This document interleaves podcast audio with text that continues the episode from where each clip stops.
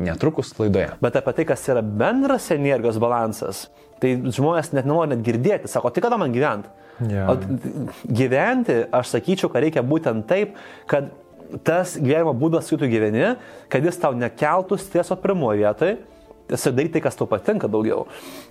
Ir jeigu tau dabar nepatinka, tu darai, kurti planą, kaip padaryti, kad tau patiktų tai, ką tu darai, jo, kad tu mėgautumai savo veiklą. Kitas dalykas.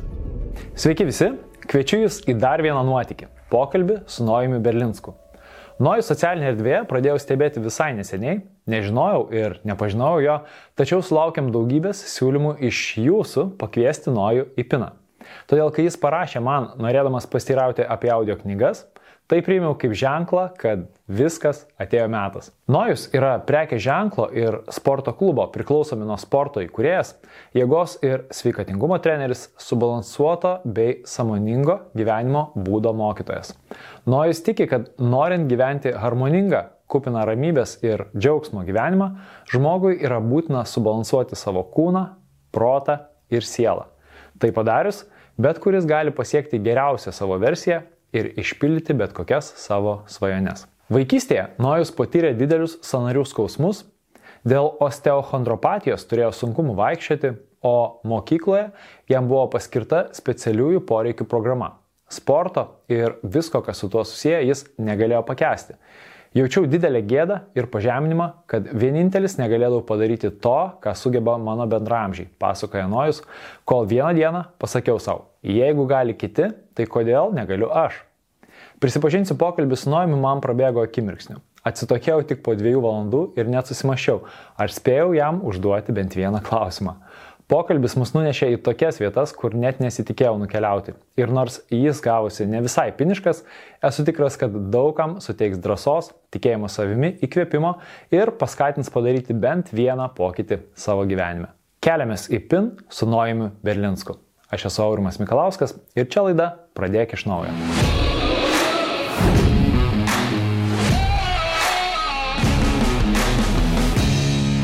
Labas, Nau. Labas. Aš prisipažinsiu, apie tave išgirdau labai neseniai, anksčiau nebuvau nieko girdėjęs apie tave. Mhm. Ir buvo taip, kad man žmonės tiesiog pradėjo rašyti. Sako, paskies nuojų laidą, paskies nuojų laidą, žinai, vienas, kitas, nojus? antras ir kas tas nuojus. Na, aišku, parodydavo man ten. Ir pradėjau tada tave sekti Instagram'e, neseniai tikrai dar. Bet mačiau, kad tu uh, apie audio knygas kalbi ir tu man paskui parašai žinutę Ir supratau, kad, okei, okay, žinai, vienas kabliukas yra ir tada beliko man rasti pin istoriją tavo. Mhm. Tai prie jos netrukus perėsim, e, bet prieš tai aš dar noriu padėkoti mūsų laidos rėmėjui, audiotekai, be kurios šito podcast'o net ir nebūtų. Tai audioteka, kas dar nesat išbandę, yra lietuviško audio knygų platformą. Rasit ten jau beveik 500 lietuviškai garsintų audio knygų, o šiaip audio knygų galite pradėti klausyti bet kurios knygos nemokamai. Ten yra 20-30 minučių pasiklausot ir jeigu patinka, galite ją ir įsigyti. Tai prie audio knygų mes būtinai grįšim, Žinau. bet aš norėčiau pradėti šį kartą nuo tavo, nu, mano manimu, turbūt vienos svarbiausių pin istorijų, kuri prasidėjo tavo vaikystėje. Nes vaikystėje, kiek aš žinau, tu buvai didžiulis kompiuterinių žaidimų mėgėjas, leisdavai labai daug laiko prie kompiuterio. Mm. Ir sporto tavo gyvenime visiškai nebuvo ir net ir nelabai galėjo būti dėl to, kad uh, tu turėjai pėdos uh, tokia anomalija, ne kas ten mm. buvo tau su ta pėda. Tai papasakok truputėlį, kas buvo, kodėl tu negalėjai sportuoti ir kaip sportas vat, tame etape atsirado tavo gyvenime. Iš tikrųjų, gal pradėčiau nuo to, kad pačioj, pačioj vaikystėje, sakykime, iki dešimties metų, aš pakankamai buvau aktyvus vaikas ir užsimdavau įvairiom veiklom ir tasme, man kaip ir nebuvo pasiradas problemų. Bet aš labai prisimenu puikų tokį įvykį, kad mūsų klasė išskyrė ir padalino keturias, į keturias dalis būtent. Ir automatiškai, kai tu ateini į naują klasę, tu neturi kažkokių draugų, neturi pažįstamų, tai tiesiog užsidariau, galbūt pradėjau daugiau leisti laiką su žmonėm, kurie tiesiog yra kaimynai, sakykime, kurie tiesiog uh, šiek tiek gal iš kelio vesdavo. Aha. Ir automatiškai ieškodavai kažkokių, sakykime, būdų, kaip pabėgti nuo realybės, kuri galbūt tau nelabai patinka. Tai tuo metu man mokykla nelabai patiko, aš automatiškai pradėjau žaisti prie kompo, mes esam trys broliai namuose, tai vienas brolis žaidžia ryte, kitas per pietus, kitas per naktį ir taip automatiškai mes e, tom užsimdom. Tai iš tikrųjų nuo tokio pastaus sėdėjimo kalbėsiu kaip jau 30 metais, 12 metų, nuo pastaus sėdėjimo, sėdimo gyvenimo būdo. Ir šiaip, nieko nevalgymo, nemegojimo, aš manau, kad ta sveikata labai greit praėjo. Tiesiog ir automatiškai vieną dieną grįžtu namo ir žiūriu, kad negaliu atsistoti nuo kėdės. Okay. Atsisėdu tiesiog ir žiūriu, negaliu pakilti. Ir aš sakau tėvams, sakau, negaliu atsistoti, sakau, ką tu meluoji, eik dirbk, tipo, nes mes tuo metu remontą namuose darėmės. Ir uh, Sakau, iš tikrųjų, negaliu atsistoti, nejaučiu savo kojų, tas mes skauda, žiaurus skausmas. Mhm. Tai sako, nu tai gerai, pasižiūrim, bandykim tai nuvežti pas daktarus ir pažiūrėsim. Tai padarė man tą visą MRT, padarė skeną, pažiūrėjo tas pėdas, sako, nesaugia kaulai, tas mes pėda ir pėda realiai ir, ir, ir čiurnas, iki ten toks vos net centimetrų tarpas, o kas čia yra?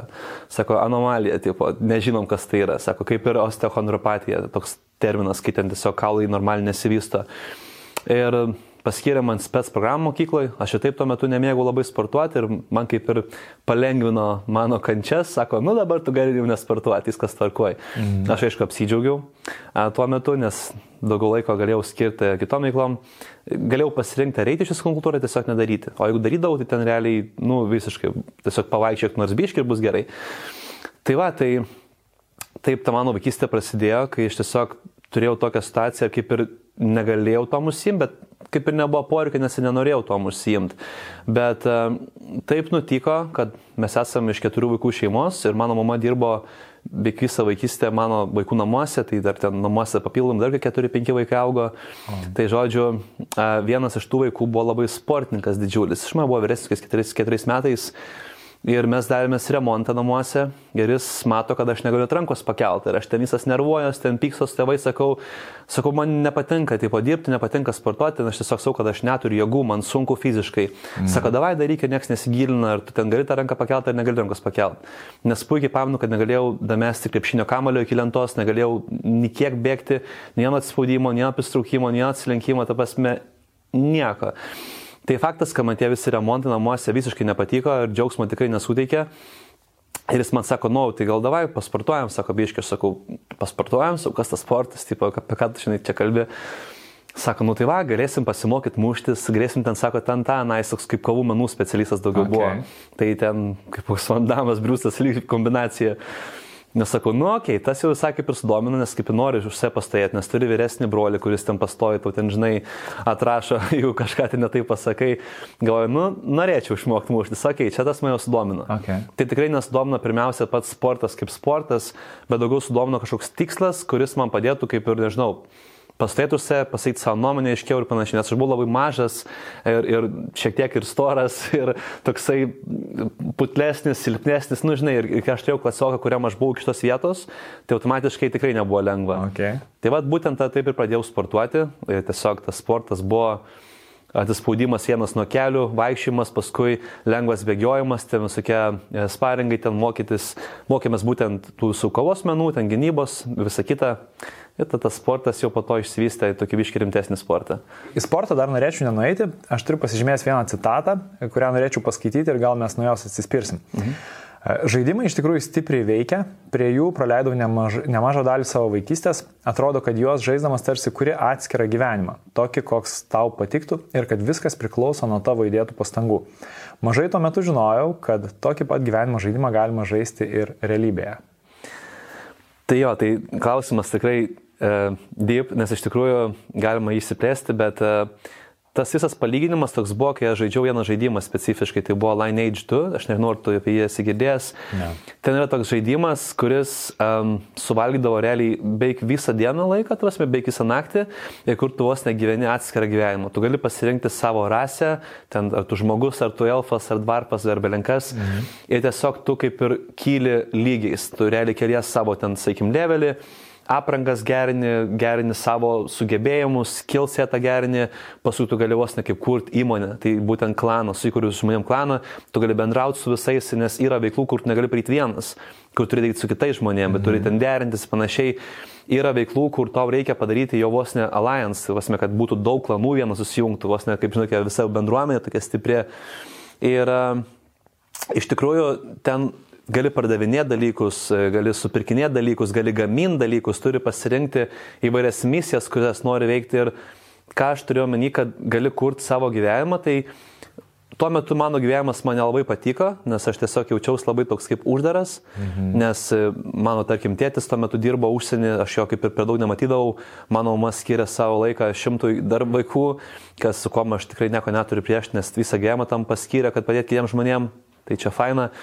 Ir aišku, ten su broliais per daug nesikalbėsi. Yra mažesnis brolis, kuris pastoviai tenais knysa protą ir vėsnis, kuris irgi ten to, žinai, karšius kalda, sesės niekada namuose iš vis nebūdavo, tai toks jau ties kaip vienišas. Mhm. O kai ten, tarkim, prisijungi tą žaidimą, sakykim, tu ten gali bendrauti su, tasme, virtualiais draugais, kurti kažkokius santykius, ryšius ir visa kita, tai iš tos perspektyvos. O šiaip gyvenimas tarsi žaidimas, nes irgi realiai ką mes darom, mes keliame savo lygį, mes gimstam ir mes iš esmės nieko nemokam. Mes esam, a, kaip sakyti, mums daro įtaką kiti žmonės, mūsų augina ir mes esam, a, angliškai žodis, dependent, priklausomi būtent nuo kitų žmonių. Ir galiausiai mes mokomės vaikščioti, paskui mes mokomės kalbėti, mes mokomės, nežinau, mąstyti tinkamai, loginio mąstymo mokomės, mokomės, kas yra kas, kas yra augalas, kas yra podelis, tas net tiesiog kelias savo lygį, sakykim. Ir a, lygiai taip pat tu turi vos ne, kaip sakykime, kuo anksčiau, tuo geriau, aišku, kažkaip pasirinkti kažkokią kryptį. Nes ypač šiais laikais gyvenant tų krypčių gali būti milijonas, kai mes tokiam pasauliu gyvenam, kur tiek daug pasirinkimų, tiek daug informacijos, kad tau žinot, ką veikti gyvenime, tai jau tai daro didžiausią problemą žmonėms šiais mhm. laikais.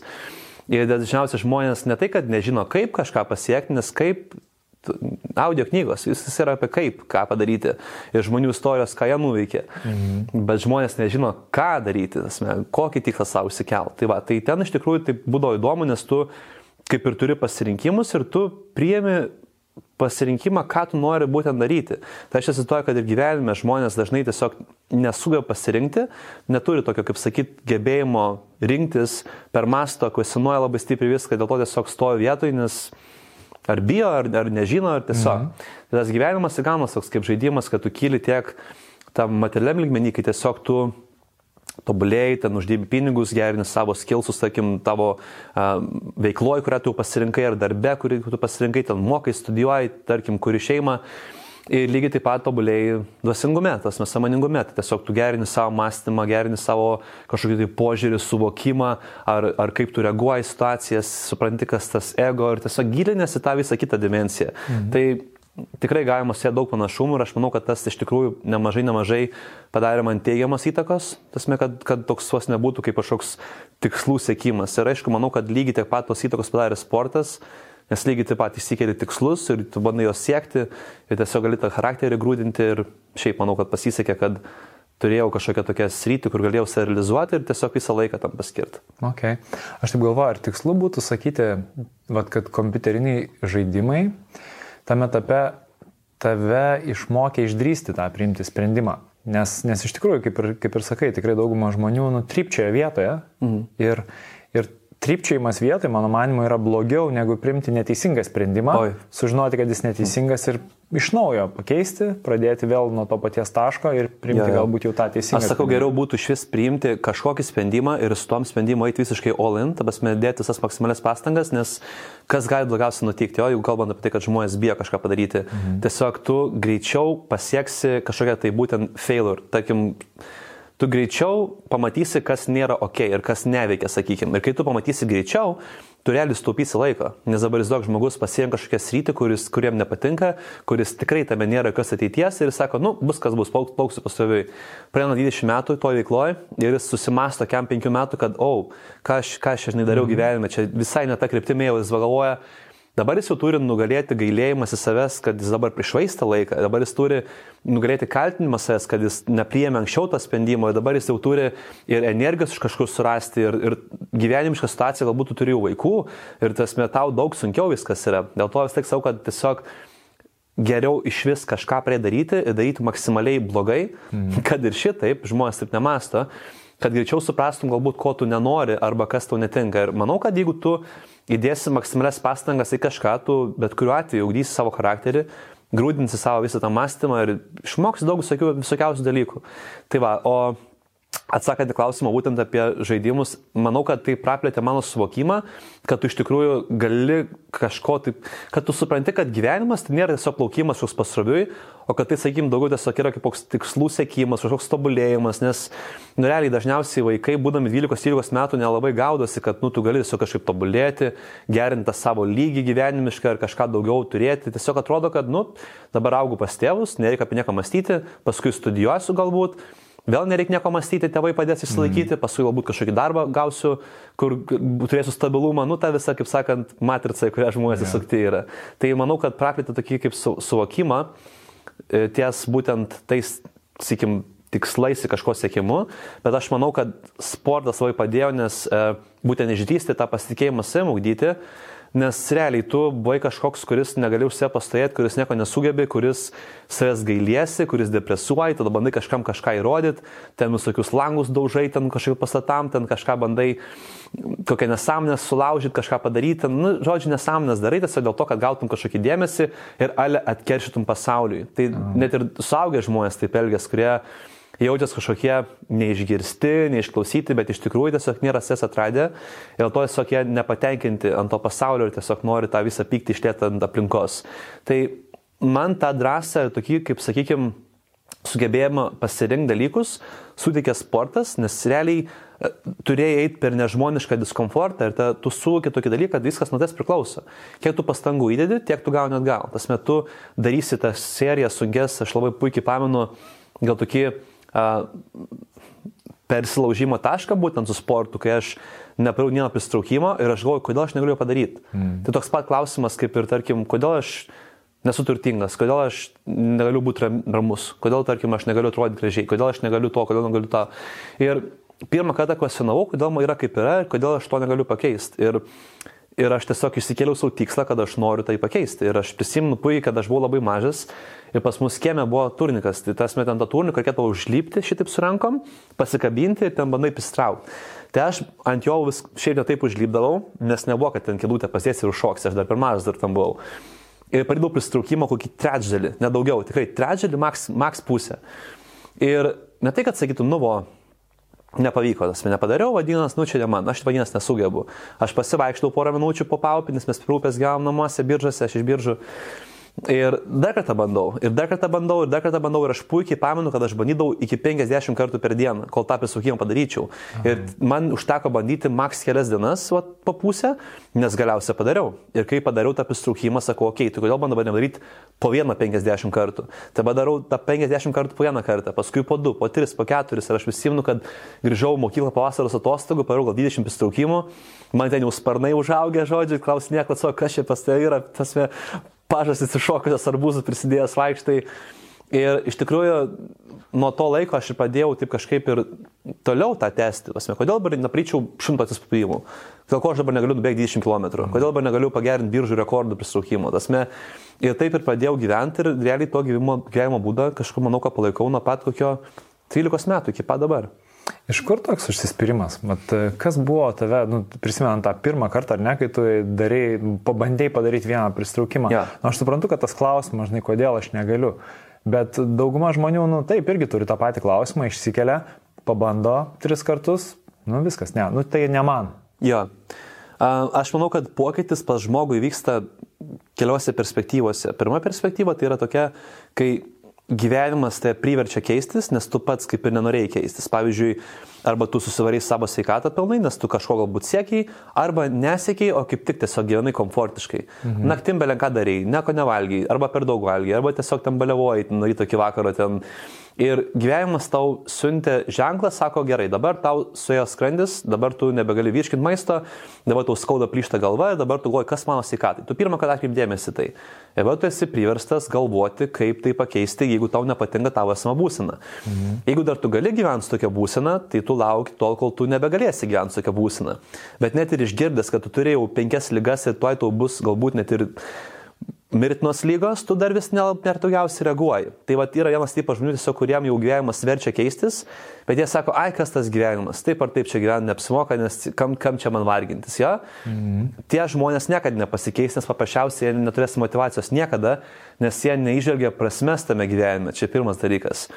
Dabar kai tai priverčia keistis, sakykime, turi krizę arba tojo kaip duobę, tu automatiškai uh, jėmies veiksmų, tu jėmies būtent tos iniciatyvos, kad tu iš tos duobės išliptum, su kad, kad nebūtų tau tai blogai. Tai čia vienas toks kaip stimulas keistis. Kitas stimulas keistis tiesiog, kai galbūt tu kaip tik esi komforto zonai ir tarkim tu susimastai apie savo gyvenimą, kad, nu, kaip dabar man yra, kažkaip man atsibodo arba nepatinka, ar aš galbūt noriu, kad man būtų geriau. Nu, tai tau pats, tau tiesiog ateina suvokimas. Čia dažniausiai būna, kai žmogui yra 3-5 metų, jis jau kaip ir dirba, jis jau turi šeimą, jis jau ten baigęs mokslus mhm. ir jis toks pradeda kvesnuoti savo gyvenimą, hm, kažkaip atrodo, kad aš įsivaizduoju, kad kažkaip kitaip gyvenimas bus jo, nes jis įsivaizdavo, kad pasibaigs mokslus ja. ir kur šeima ten gaus stabilų darbą, ar jis atostogų, jis nusipirks mašiną ir žiūri, ką turi, galvoja, kas dabar. Jis tada pradeda kvesnuoti galbūt, kad kažką nori pasiekti, kažką nuveikti. O Mano atvejis buvo toks kombinuotas su tom trečiu variantu ir jau kaip pirmu variantu, nes pirmiausia mane privertė gyvenimas, nes tiesiog tikrai buvo prasta situacija ir man nepatiko ta situacija, bet aš kaip ir nenorėjau savo pripažinto, kad aš turiu keistis, nes man atrodo, kad nežinau, aš galbūt kaltinu aplinką, gal savo genetiką, kad aš nemačiau būdamas laikas mano genai lėvė jo, tarkim, aš to nesupratau, bet man atrodo, kad čia ne mano kaltė, kad aš esu toks, koks aš esu. Tiesiog dėl to mhm. nebuvo po, tokio poreikio keistis. Bet tas trečias būtent stimulas, kai žmonės keičiasi, tai yra, kai tu gauni kažkokį įkvėpimą iš aplinkos, galbūt tu kažką pamatėjai, galbūt tu kažkur nuėjai, galbūt tu su kažkom pasišnekėjai ir tiesiog tave tai įkvėpė, bet pagalvoji, okei, okay, gal man dabar ir nėra taip blogai, arba man tasme nėra, kad man kažkas nepatiktų, bet kodėlgi nepasistengus, kad būtų geriau, kodėl nepasistengus, kad aš kažką galbūt pasiekčiau, nuveikčiau, padaryčiau. Ir tu būtent iš to įkvėpimo pradedi eiti labai labai stipriai į priekį, nes tai iš tikrųjų skiriasi nuo pirmo stimulo. Nes pirmas stimulas, tu tiesiog nori iš dabės išlipti. Ir tiesiog nori, kad aš lipsiu iš dabės ir tikėtina, kad aš grįšiu savo buvusį gyvenimo būdą. Nes tiesiog aš nenoriu pokyčių, aš tiesiog yeah. noriu, kad mane skaudėtų.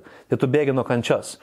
Bet jeigu tu eini faktiškai malonumas, sakykime, nu malonumas tavo atveju būtų, aš noriu tą pasiekti, aš noriu tą turėti, aš noriu tą turėti, ir tu savo tai kaip tikslą išsikeli, kurio tu taip patikė stipriai ir kuris, tu manai, kad to tikslo siekiant, tau tiek tai duos naudos, lyginant su tuo, kiek tau steigs diskomfortą, ta nauda, kurią tu manai, kad tu gausi, jinai yra žymiai, žymiai didesnė ir dėl to tiesiog tu sustaikai su tom diskomfortu, kaip pavyzdžiui, ten, kad darytas pristraukimą, ten mm. sunkiai grindinti, ten, žinai, griuvinėti ant žemės, ten tu sustaikai su tom diskomfortu, nes tu tiki tuom, kad tas pliusas, ką tu gausi, bus žymiai didesnis. Tai mano atveju aš manau, kad mane dalinai privertė gyvenimas, bet tai truko tik kelias savaitės. Kai aš jau išlipau iš tos dabės, man atsimenu tos pėdos nebeskaudėjo po to. Aišku, ten buvo visokios elektros stimulacijos, ten visokios karštos vanelės, ko man ten tik tais nedarė. Ir po to, kad tęsti tą dalyką, o ne tai, kad išlipai iš dabės, dabar jums toliau grind prie kompa, žinai, mhm. kad tai tęsti, aš žinau, kad turi būti išsikeltas tikslas ir suvokimas, kodėl tai darai. Tai mano atveju man tai suteikia kažkokį, nežinau, naują gyvenimą visiškai, tasme pasitikėjimas savim, energiją, entuzijazmą, tokį kaip norą tobulėti. Tasme, aš puikiai pamenu, kad nuo pat 13 metų iki pat 20 gal vienų Aš ne kartą negeriau, nerūkiau ir nebuvau net ne vienam baliui mokyklos. Nes aš ant tiek ant to sporto užsikabinau, kad nu, man tai buvo kaip, nežinau, vien tik apie tai galėjai galvoti. Tai mm -hmm. tas iš okay. tikrųjų įkvėpė. Bet vis tiek turėjo būti vat, kažkas, e, žinai, ta siekėmybė. Nu, vat, mm -hmm. kodėl tu darai? Nes tu, tu kaip ir, ir tai, ką tu paminėjai, tai yra labai taip neapčiuopiama. Man tarsi faina, ja. aišku, tu galbūt e, gauni tą dopamino atsaką, ar ne, ten padarai ja, kažką padaryti. Kad, bet vis tiek, mm -hmm. nu, vat, yra tas, kai kam tai yra, nu, aš noriu būti gražus, aš noriu nu, va, tokį grožį taloną pasiekti, bet ten dar kažkas, kas, kas tau buvo va, ta vaiko tokia, žinai, svajonė. Pačioje pradžioje aš tiesiog norėjau už save pastovėti ir man noras buvo paprasčiausia, nu, kaip sakant, prarašyti šiek tiek tiem, okay. kurie tiesiog, va taip elgėsi. Tavo prarašydavo. Tai jo, daugiau ne tai, kad fiziškai prarašydavo, apart brolio. um, kalbant jeigu apie mokyklą, bet galbūt psichologiškai tiesiog kažkaip pradės kabinėdavos. Tu matai, kad tu žemas, tu nieko nepasakysi, mm -hmm. tiesiog žinai, va taip, belenka. Tai taip ir vyko, kai aš sustiprėjau, aš kaip ir savo tikslą pasiekiau, ten tiek brolis gavo malkų vyresnis, didesnis dvigubai, tiek visi kiti. Ir ta galvoju, okei, okay, kas toliau, tu turi mm. realiai naują tikslą išsikelti. Tai man kažkaip taip pradėjo tas sportas patikti, kad aš tiesiog užsikabinau ant pačio proceso. Tu klausai apie tikslą, ja? o aš būtent kabinausi ant paties proceso. Man tas stiprėjimo jausmas ant tiek patiko, kad aš pradėjau galvoti, gerai, galbūt aš dabar noriu handstandą prie ant rankų išmokti, tai ten daryti atspaudimus ant dviejų rankų, žinai. Galbūt aš dabar noriu pristrukimą nuo stangos padaryti. Ir mane iš tikrųjų motivavo toksai puslapis, dar buvo tais laikais turnikas.lt, kai man buvo 16-17 metų, aš ten prisiregistravau. Ir realiai nuo to laiko pradėjau kaip ir vos ne kabutėse sportininko tenerio karjerą, nes Lietuvoje tapau žinomiausias ant turnikų, ten visokie prisukimus vieną ranką, ten visokie vilkeliai, karivukai, yeah. ten tie visi pratimai ir ten reikėdavo filmuotis video, ten įsikeli iššūkius, kokius ten savaitės darai, ten gali visokiose varžybose dalyvauti, visokie mitai gyvi ir buvo ir panašiai. Ir aš tiesiog pradėjau kurti savo forumo temą, ten daug tūkstančių peržiūrų, gal buvo 20 tūkstančių peržiūrų ten jau tais laikais ir tiesiog padėjau motivuoti kitus. Tai aš gal sakyčiau, pradžiai buvo tikslas apsiginti, sakykim, tiesiog pasėti už mhm. save, po to buvo toks patikimas, kaip tu stiprėjai tas visas procesas. Ir po to labai stipriai tas užkabino, kad gali motivuoti kitus, e, padėti kitiems, sakykime, nes aš jau ten pradėjau programas tarnėti, pamenu, mano programa buvo parduota už 5 litų labas sąsos papildymą, nes neturėjau banko sąskaitos, tai man tiesiog okay. papildymus siūsdavo žmonės. Ir aš atsimnu, buvau surinkęs 800 litų papildymų ir visiems kaimynam, mokyklai visiems tiesiog dalindavau. tai tiesiog toks kaip toks įdomus dalykas buvo. Yes. Tai va, tai tiesiog ta motivacija nuo stiprėjimo perėjo į pagalbą kitiem ir kažkur ties 17-18 metų aš pradėjau garsiai svajoti, kad aš norėčiau būti treneriu. Tas man tiek patiko tas mhm. dalykas ir būdavo žmonės, kam aš duodu patarimą, sako, eik, tu ne treneris. Aš toks galvoju, hm, tai man reikia būti treneriu, kad mes paklausytų. Aš matau, kad daro nesąmonę, aš noriu padėti tokie, eik, tu ką tu čia man žinai pasakoji. O Aha. aš ten maksimaliai skaitydavau, domėdavau, ten gilinau, tikrai žinių turėjau sukaupęs nemažai. Ir tos patirties jau turėjau penkis metus, net 18 metų būdamas. Wow. Ir galvoju, gerai, tai mano svajonė nauja, kad mane vadintų treneriu. Aš tas man tas tikslas, kad mane vadintų treneriu, man toks buvo tarsi neapčiuopiamas, nepasiekiamas, kad aš iš tikrųjų pradėjau domėtis gerai, ką man čia reikia po mokyklos, ką man dabar čia daryti, kur man dabar reiks čia važiuoti, kur čia dabar dirbti, kad aš toks treneris tapčiau. Nu, tai gal tas mane iš tikrųjų motivavo. O tu net kitų e, variantų nesvarstėjai, kai jau buvai 12 klasė, nes visi turim tą apsisprendimo momentą, kai reikia nuspręsti, kuo būsim. Teisininku, gydytoju, žinai, nu, IT specialistu. Jo, jo. e, iš tikrųjų, tai labai toks įdomus laikotarpis buvo mokyklai, e, bet galbūt pradėsiu nuo to, kad aš kaip ir tikrai žinau, kad aš noriu būti treneris, aš noriu būti sportininkas, aš ten, aš ten visiems sakydavau, aš čia priauksiu masės, aš čia užsikočiosiu žiauriai, aš, aš labai buvau kūdas, aš tasme 10 metų, 19 metų svėriau šiam kilu su 1,84 ūgiu. Ir čia jau buvau priaugęs 7 kilus. Tai aš realiai buvau visiškai perdžiuos, aš dabar netrodau stambus, bet aš nors 90 sveriu 300 plus kilų nuo tų laikų. E, bet okay. tada aš patikėk manim, prie draugių atrodau jas mažesnis. Tai jo, tai mano buvo tikrai motivacija to svorio priaukti, aš ten pagal visas taisyklės, tai viską darydavau, ten švariai valgydavau, ten viską, žodžiu. Ir uh, tikrai žinau, kad noriu būti treneris, bet iš tikrųjų buvo vienas toks laikotarpis, kai aš baigiau mokyklą ir mes, kadangi esame iš daugiau šeimos, tikrai nieks man nebūtų galėję finansuoti kažkokio studijavimo. Tai aš tuo metu net nesvaršiau kažkur dar mokytis. Aš iškart mačiau, kad, nu gerai, dabar pirmiausia po mokyklos niekur neskubėsiu, aš laiko turiu padirbsiu kažkur užsienį ir pirmą uždirbsiu tų pinigų. Ir taip aš ir padariau, aš ten dirbau užsienį metus laiko ir iš tikrųjų, kaip ir sakyčiau, iš šiokia toj komforto zoną įėjau, nes tiesiog tu dirbi, tu turi pinigų, tu tas pinigus ten leidi, per daug nieko ten nestaupai. Bet sportavau, viskas tvarkoja, bet nebuvo, kad aš kažkaip kryptingai judėjau ties tom tikslu, okay. kad tapčiau teneris, kol galiausia um, padirbus taip metus laiko, aš išvykau į užsienį, aš vis dar buvau užsimotivavęs ties sportu bet nes neties profesiją ir karjerą, kad vat, būtent kažkuom būt.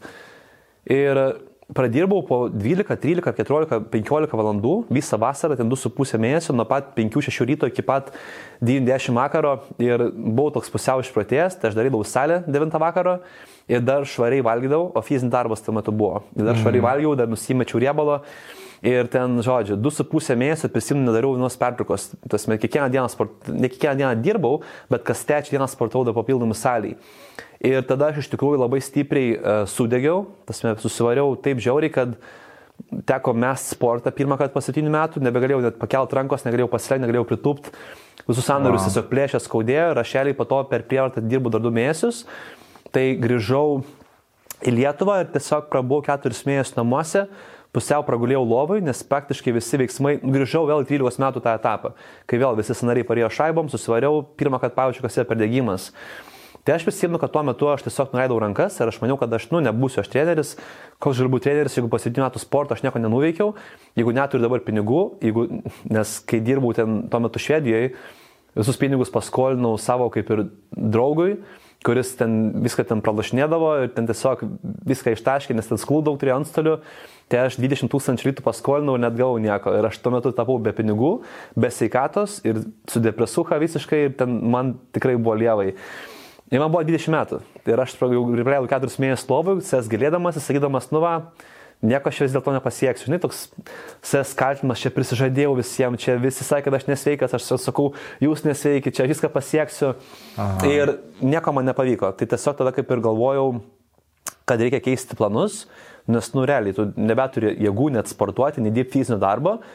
Ir aš e, turėjau nemažai brolio įtakos, nes brolis ten audio knygas, jau kai čia prieš buvo devynis metus, jis jau ten visas buvo perklausęs. Ten tasme, Dispensos, Deepak Chopros, ten uh, Erm Nightingale, Napoleon Hill, visi autoriai, jis viską buvo perklausęs ir jisai man netgi... Čia tas pats brolis, kuris tave sportuot paskatino? Ne, čia mano tikras ne brolis buvo teisingai. Ja. Čia mano tikras brolis, kuris jo, jisai labai buvo pasnešęs ant to, jis sako, aš iki 30 metų būsiu milijonierius, aš ten tą aną nuveiksiu. Ir aš sakydavau, o, nice, tai vadinasi, man dabar net nebereik būti treneriu. Jeigu brolis bus milijonierius, man užteks būti valytoju jo įmoniai Aš tiesiog galėsiu valyti kokį kabinetą, kažką ten paveikti, kas kažkom pasikalbėti ir man bus gerai. Ir aš tikrai maniau, kad čia mano plan B yra ir kad tiesiog man nebereikės dirbti treneriu. Ir aš iš tikrųjų tam tikėjau. Nes, nu, čia toks kaip aukos būsina, tu sakai, nu, mm. va, čia, žinai, gyvenimas nenusisekė, tai aš dabar tiesiog nebeišsikelsiu jokių tikslų ir man čia, mane išlaikys žodžiu.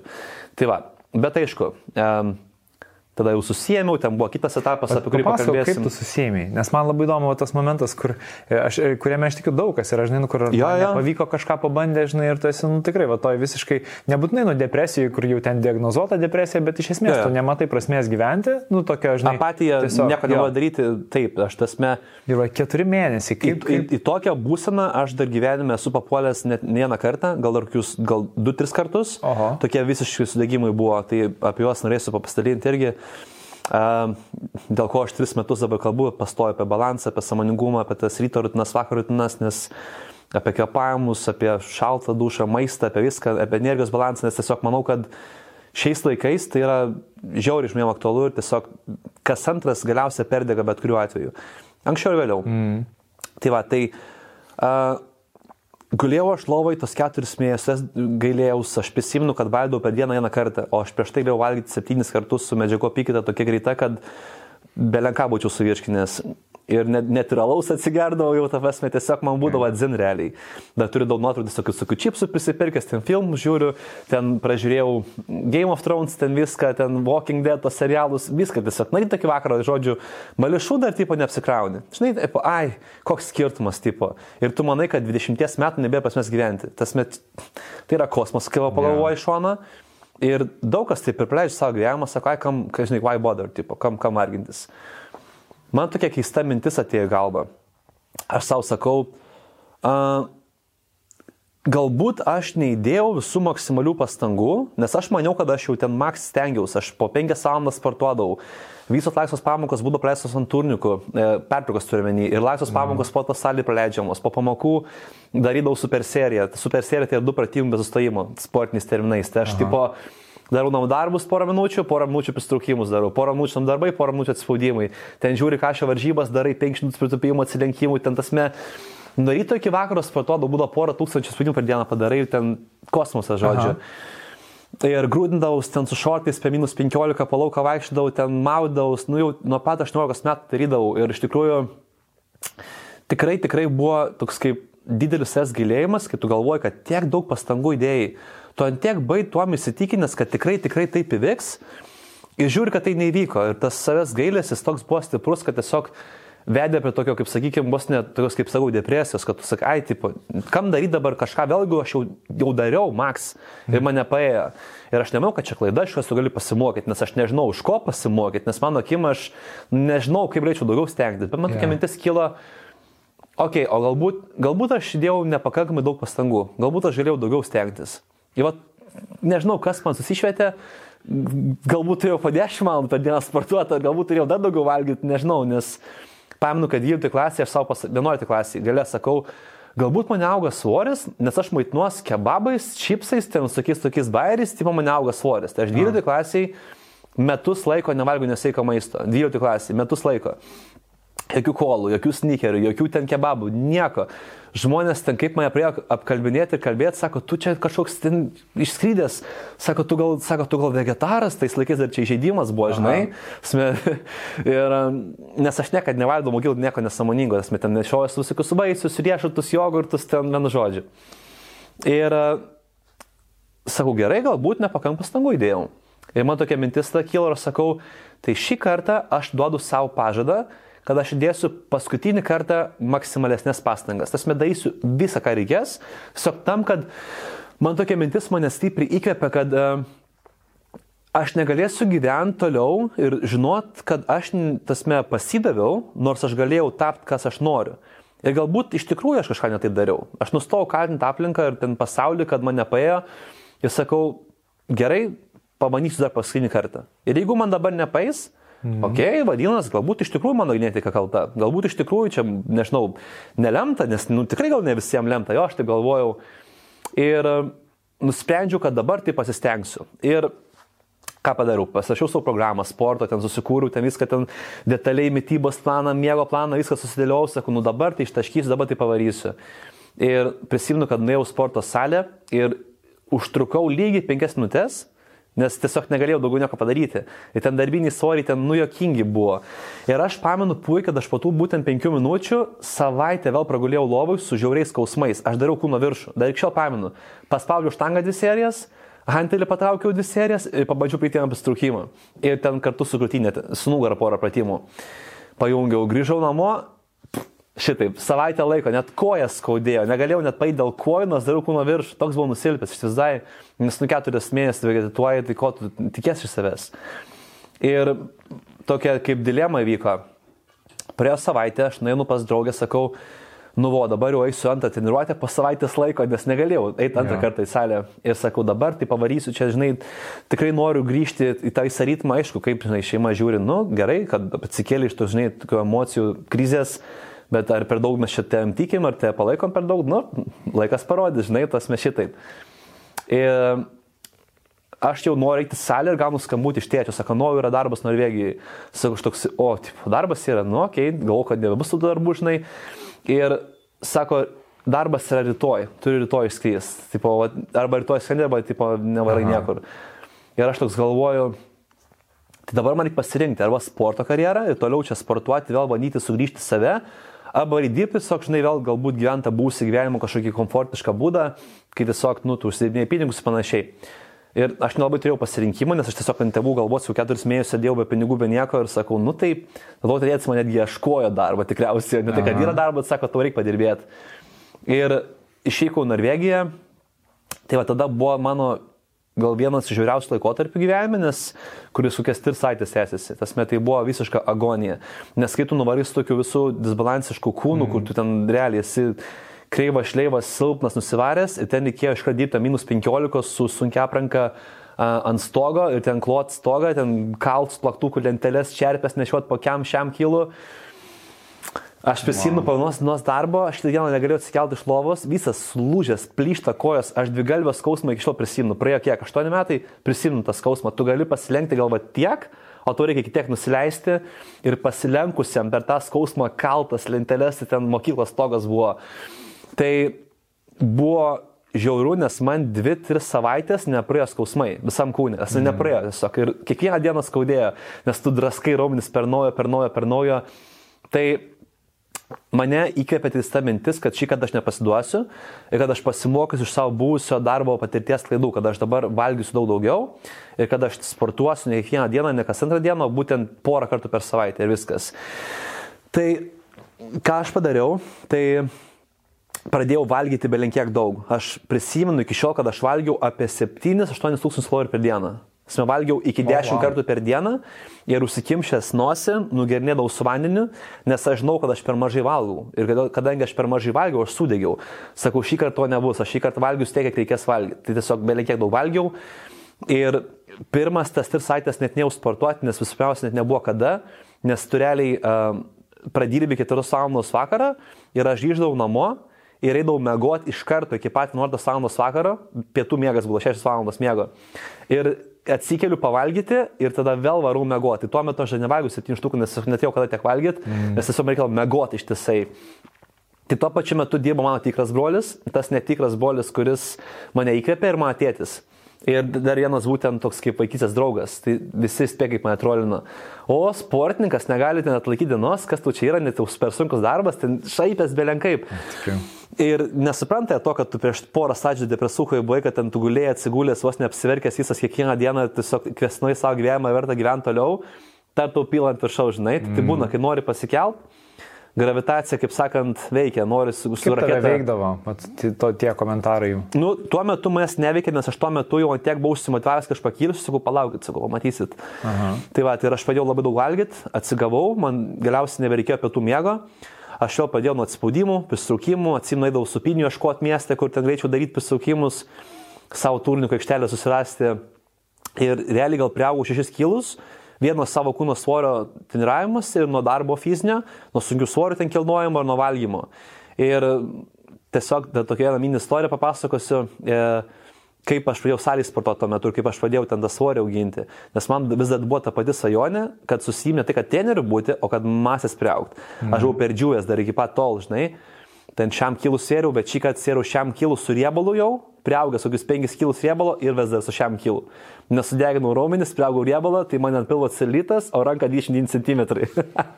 tai tai buvo kosmosas, aš dar turiu tas nuotraukas iki šiol. Ir Tada sakau, okei. Okay. Jeigu atsiųsi, mes jas įdėsim prie laidos primontuoti. Easy. E, tikrai galim tą padaryti, pamatysi, kaip atrodo viskas.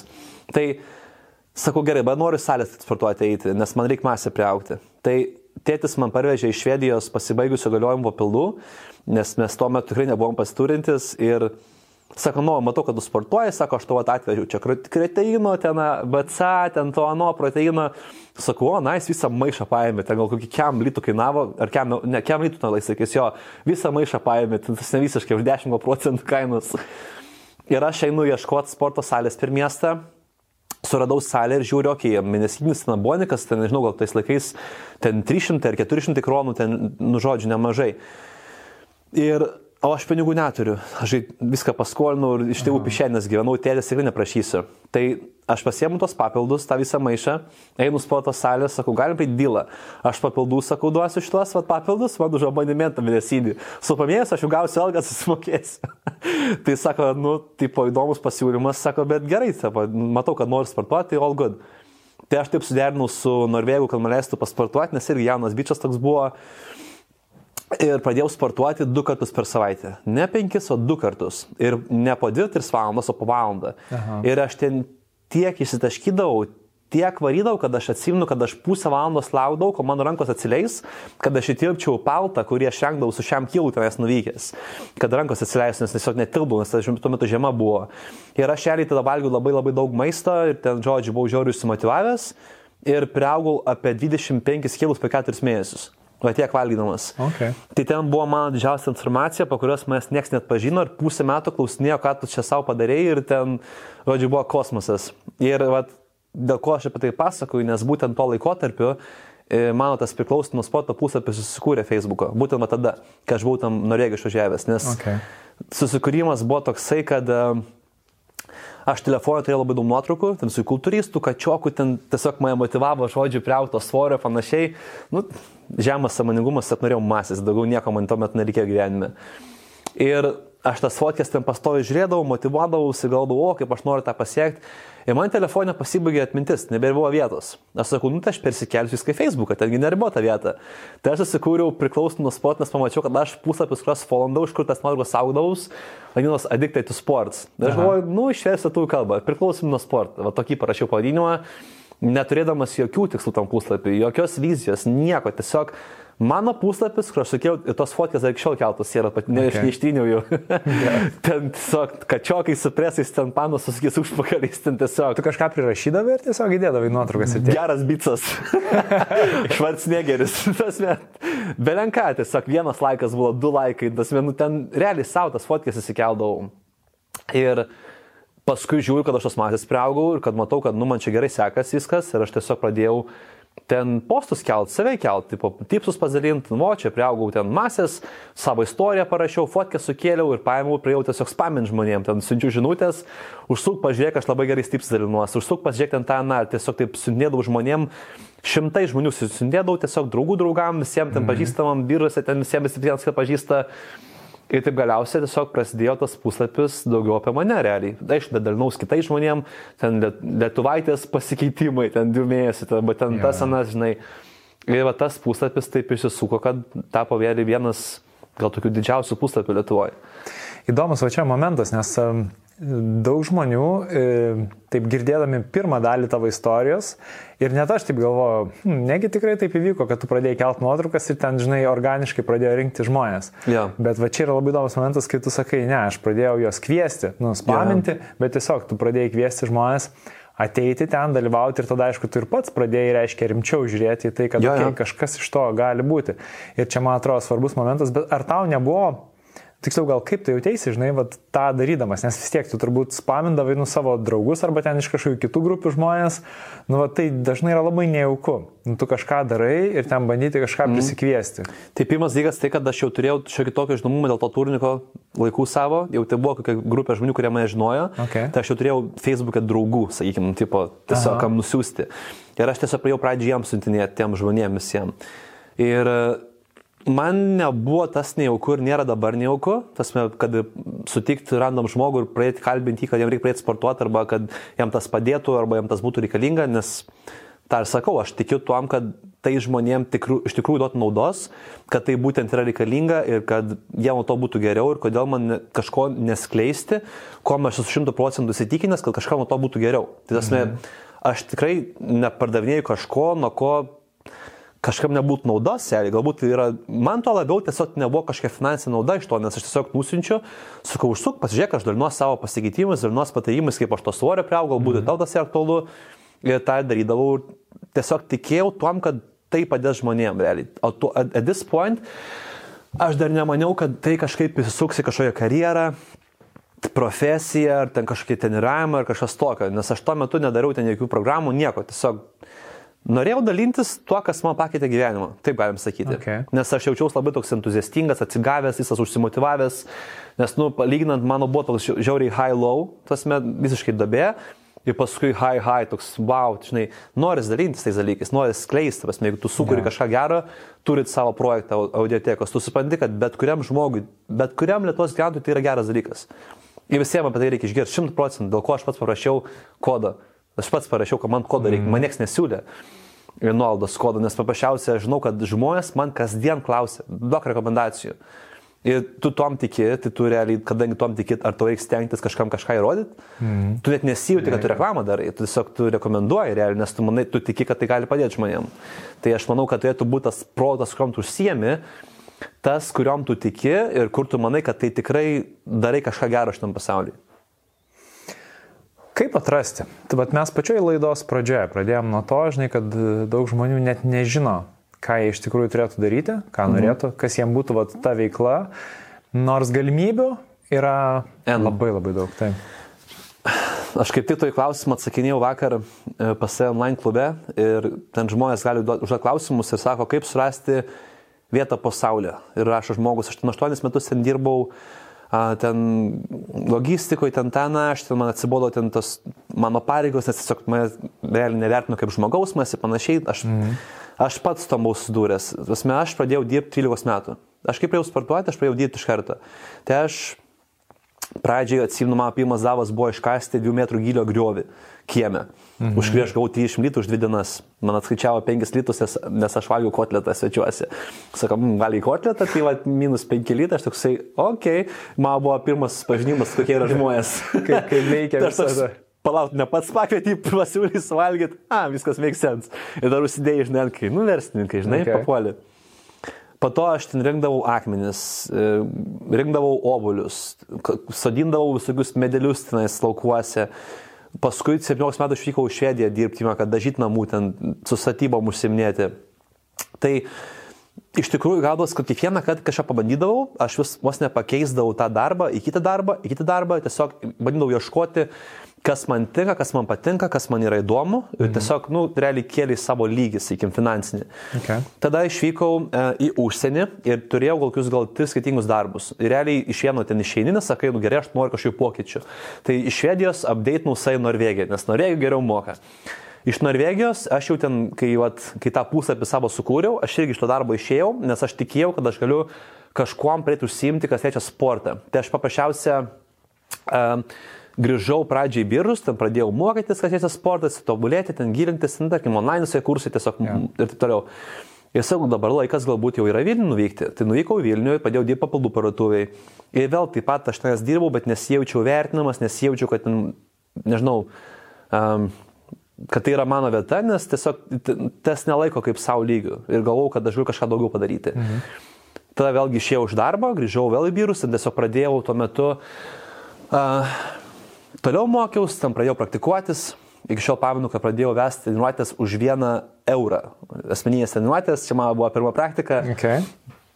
Ir tiesiog taip ir ieškojau, ieškojau, kol galiausiai tapau teneris, nuvykau Vilnių ir tiesiog padėjau tom dirbti. Tai čia vienas iš variantų tiesiog yra išeiti iš ten, kur tu esi, kas tau nepatinka ir nebijoti kažko pamatyti naujo. Jeigu tu neįsivaizduoji, kas tau patinka, jeigu tu neįsivaizduoji, kas tau yra įdomu, tiesiog pabandyk kažkokią sritį. Galbūt tai užkabins, galbūt tau patiks, kaip pavyzdžiui, aš užkab, mane užkabino sportas visiškai random. Mhm. Ar aš svajau taip ten ir iš karto, ar man sportas patiko, man nieko panašaus nebuvo.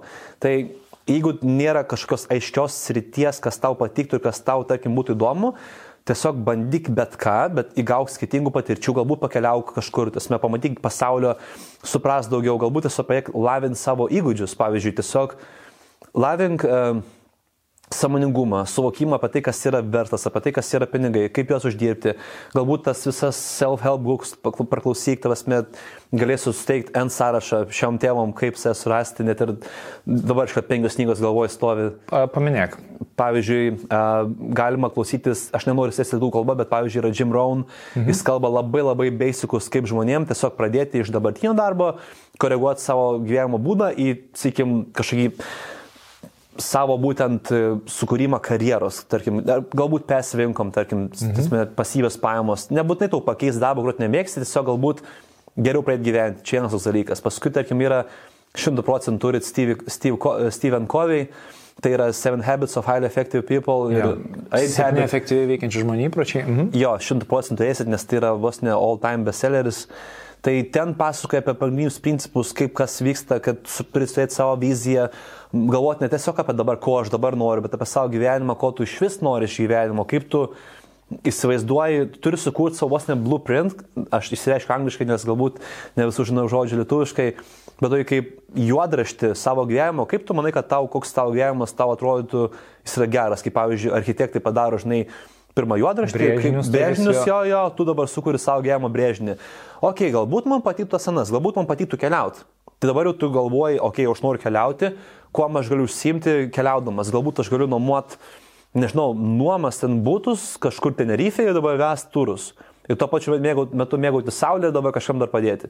Liuks, super, daryk tai, galbūt tu patinka nardyt. Tai ves dabar Ispanijų nardymo pamokas, tas praeik kursus daryk tai tu realiai gali iš beliko parit pinigus, tiesiog jau tam, tame tampi specialistas. Tai kokios dar būtų knygos? Um, iš tokio asmeninio tobulėjimo, aišku, tai pakankamai sudėtinga, bet mąstyk ir būk turtingas. Irgi Napoleon Hill tai turi visi suprasti, kas yra troškimas, tikėjimas, pastovumas. Mintinai galėčiau visą knygą papasakoti, klausęs mm. gal dešimt kartų. Prasme, mm Yra pilna knygų, kur mes galbūt paėsim listą, tiesiog, kad žmonės galvotų, kaip pas, suprastų, kaip pasirinkti savo kelią ir kryptį. Okay. Bet uh, dar labai tokia įdomi perspektyva pateiksiu, kol galbūt nedaug kas turi tokią perspektyvą, tokį požiūrį. Tai mano profesija tapo būtent tie dalykai, kas man buvo struggles, būtent sunkumai, kur su kuriais susidūriau. Tai pavyzdžiui, jeigu mano pirminis sunkumas buvo, e, kaip e, priaukti svorio, tai aš tiesiog išmokau, kaip priaukti svorio. Aš turėjau išmokti skilsus, pavyzdžiui, įgūdžius. Tai tarkim, kaip tinkamai maitintis, kaip surinktas maistės medžiagas, kaip išmokti sportuoti, kaip saliai dirbti, kaip kažkokių klaidų nedaryti, kaip ta, kaip ta žmogaus anatomija, kaip ten tie visi raumenys jungiasi, kas yra biomechanika teisingai, kaip sanariai dirba ir panašiai. Ir tada aš tos dalykus išmokęs, pritaikęs ant savęs, aš automatiškai galėjau juos pardavinėti kitiems žmonėms, nes nu, žmonių yra pilna, kurie nori tai išmokti ir kam tai yra aktualu ir dabar galbūt tu nenorėsi paimdavo mokytis 10 metų ir aš skaityti yeah. straipsnius. Tu galbūt nori čia ir dabar per 2-3 mėnesius pakeisti savo išvaizdą. Ok, I can help, tas mes važiuojam, padarom. Ir dabar tu už tai moki pinigus, už tai, kad aš mokiausi tuos metus, o tu gali gauti sukrūtinti informaciją. Tai matas, kaip sakykime, dalykas, kur aš maniau, kad tai yra mano bloga genetika, mano čia, žinai, kažkoks kompleksas, pavirto į tavo e, kaip strengths, žinai, pliusus, kur dabar tu gali paimti ir, ir būtent e, pamokyti kitus žmonės to dalyko. Taip pat ir, pavyzdžiui, su diskomfortais, skausmais, sanarių, aš tarkim gimiau su plokščiapadystė ir su skoliozė, ne, tarkim, mano mama turi tai, Ir mano šiaip, kodėl va, taip kūnas išdegimų sėdavo, kad, tarkim, tu negali atsikelt, negali pavaišyti, ten viskas skauda, čia už tėtės. Tai būtent tėtis turi e, tokį kaip genetiką, kad kūnas yra labai aktyvus ties uždegimais, tiesiog šiaip silpni visi minkštieji audiniai, ten sanariai, saulės raišiai, o mama turi plokščiapadystę ir skoliozę. Tai aš godžiu pasiemiau iš abiejų, kas yra geriausia. Ir kaip sakant, gavau tą visą paketą. Yeah. Tai uh, kai aš labai stipriai sportavau, ten paskui labai stipriai ten dirbau, kaip sakau, perdėjau ten, kai savo klubą atsidariau sportą, ten lakščiau kaip visas išpratėjęs. Ir tiek susivariau, kad vos galėjau atsikelti iš lovos kelias mėnesius, negalėjau pajudėti normaliai, ten surakinta nugarą, kelis petys, viskas skaudėjo realiai, tai po biški karts nuo karto kokie penki metai reguliariai, bet kad jau visiškai rakintų, nu tai jau buvo toks laikotarpis, kad kosmosas negalėjo žemės atsistoti. Ir aš toks galvoju, blin, už ką man, kodėl man tokie dalykai, kodėl čia aš dabar noriu būti treneriu, noriu būti sportininku, dabar turiu kaip senelis pastovi save prižiūrėti, pastovi čia mankštas daryti visokius mobilumo dalykus, kur aš ne, ne, nemokėjau tais laikais tų dalykų, tai tiesiog jau kentėti, ieškoti visokiais tepaliukais, šimtais tepaliukų prisitepti, visokius raišius dėtis ir panašiai ir galvoju, kodėl man tai. Ir tu pradžiui nematai to kaip, kaip dovanos, tau, žinai, gyvenimas mm. sustos, kad tu gali tai perlypti, tu gali išmokti ir tu vos ne... Gyvenimas tau parinko profesiją, taip galim pasakyti. Ir realiai tu dabar su tom sutvarkai, dėl to aš tiesiog ėjau pas olimpinės rinktinės kelio gydytoją, man tiesiog išrašė vaistų, sako, tu nieko čia nėra, jau pas gausią manolystą Lietuvoje. Sako, tau tiesiog yra skoliozė, tau dabar padės masažai, aš toks galvoju, nu jeigu taip sakai, tu žinai, tu, blin, monolistas, tu žinai, daktaras, tu maninės nusimanai. Nuėjau, po pirmo masažo supratau, ką man ten belenka darė, atsišaukiau su vizitu, sakau, gerai, sutarkim. Pas Kinėsą užsirašiau geriausiai ir Lietuvoje, ten mes dirbom porą mėnesių, irgi sunkiai pavyko man padėti, bet aš kažkokius pagrinus, bet jau žinai gavau. Ir sakau, gerai dabar laikas pačiam išmokti, nes niekas per daug nesigilina tavim, kas gali tu padėti, jeigu ne tu pats. Na, aišku, tai nėra geriausias variantas visiems žmonėms, tas jeigu dabar nori išmokti finansus, nu, dabar geriausias būdas paimti, parduoti namus, investuoti viską ir sudegti. Žinai, geriausias būdas. Vienas iš būdų, gal nėra efektyviausias, žmogui kažko mokytis, bet aš mokiausi per savo kūną. Kodėl man ten kūnas taip pasisukęs, kodėl man ten tas skauda, kodėl aš ten kreivas, kodėl man tas reikia neveikia, ten belie laiko mokiausi, gilinaus ir galiausiai tiek įvaldžiau tą sritį, kad realiai galiu padėti bet kuriam žmogui su bet kurios skausmu, bet kurią problemą.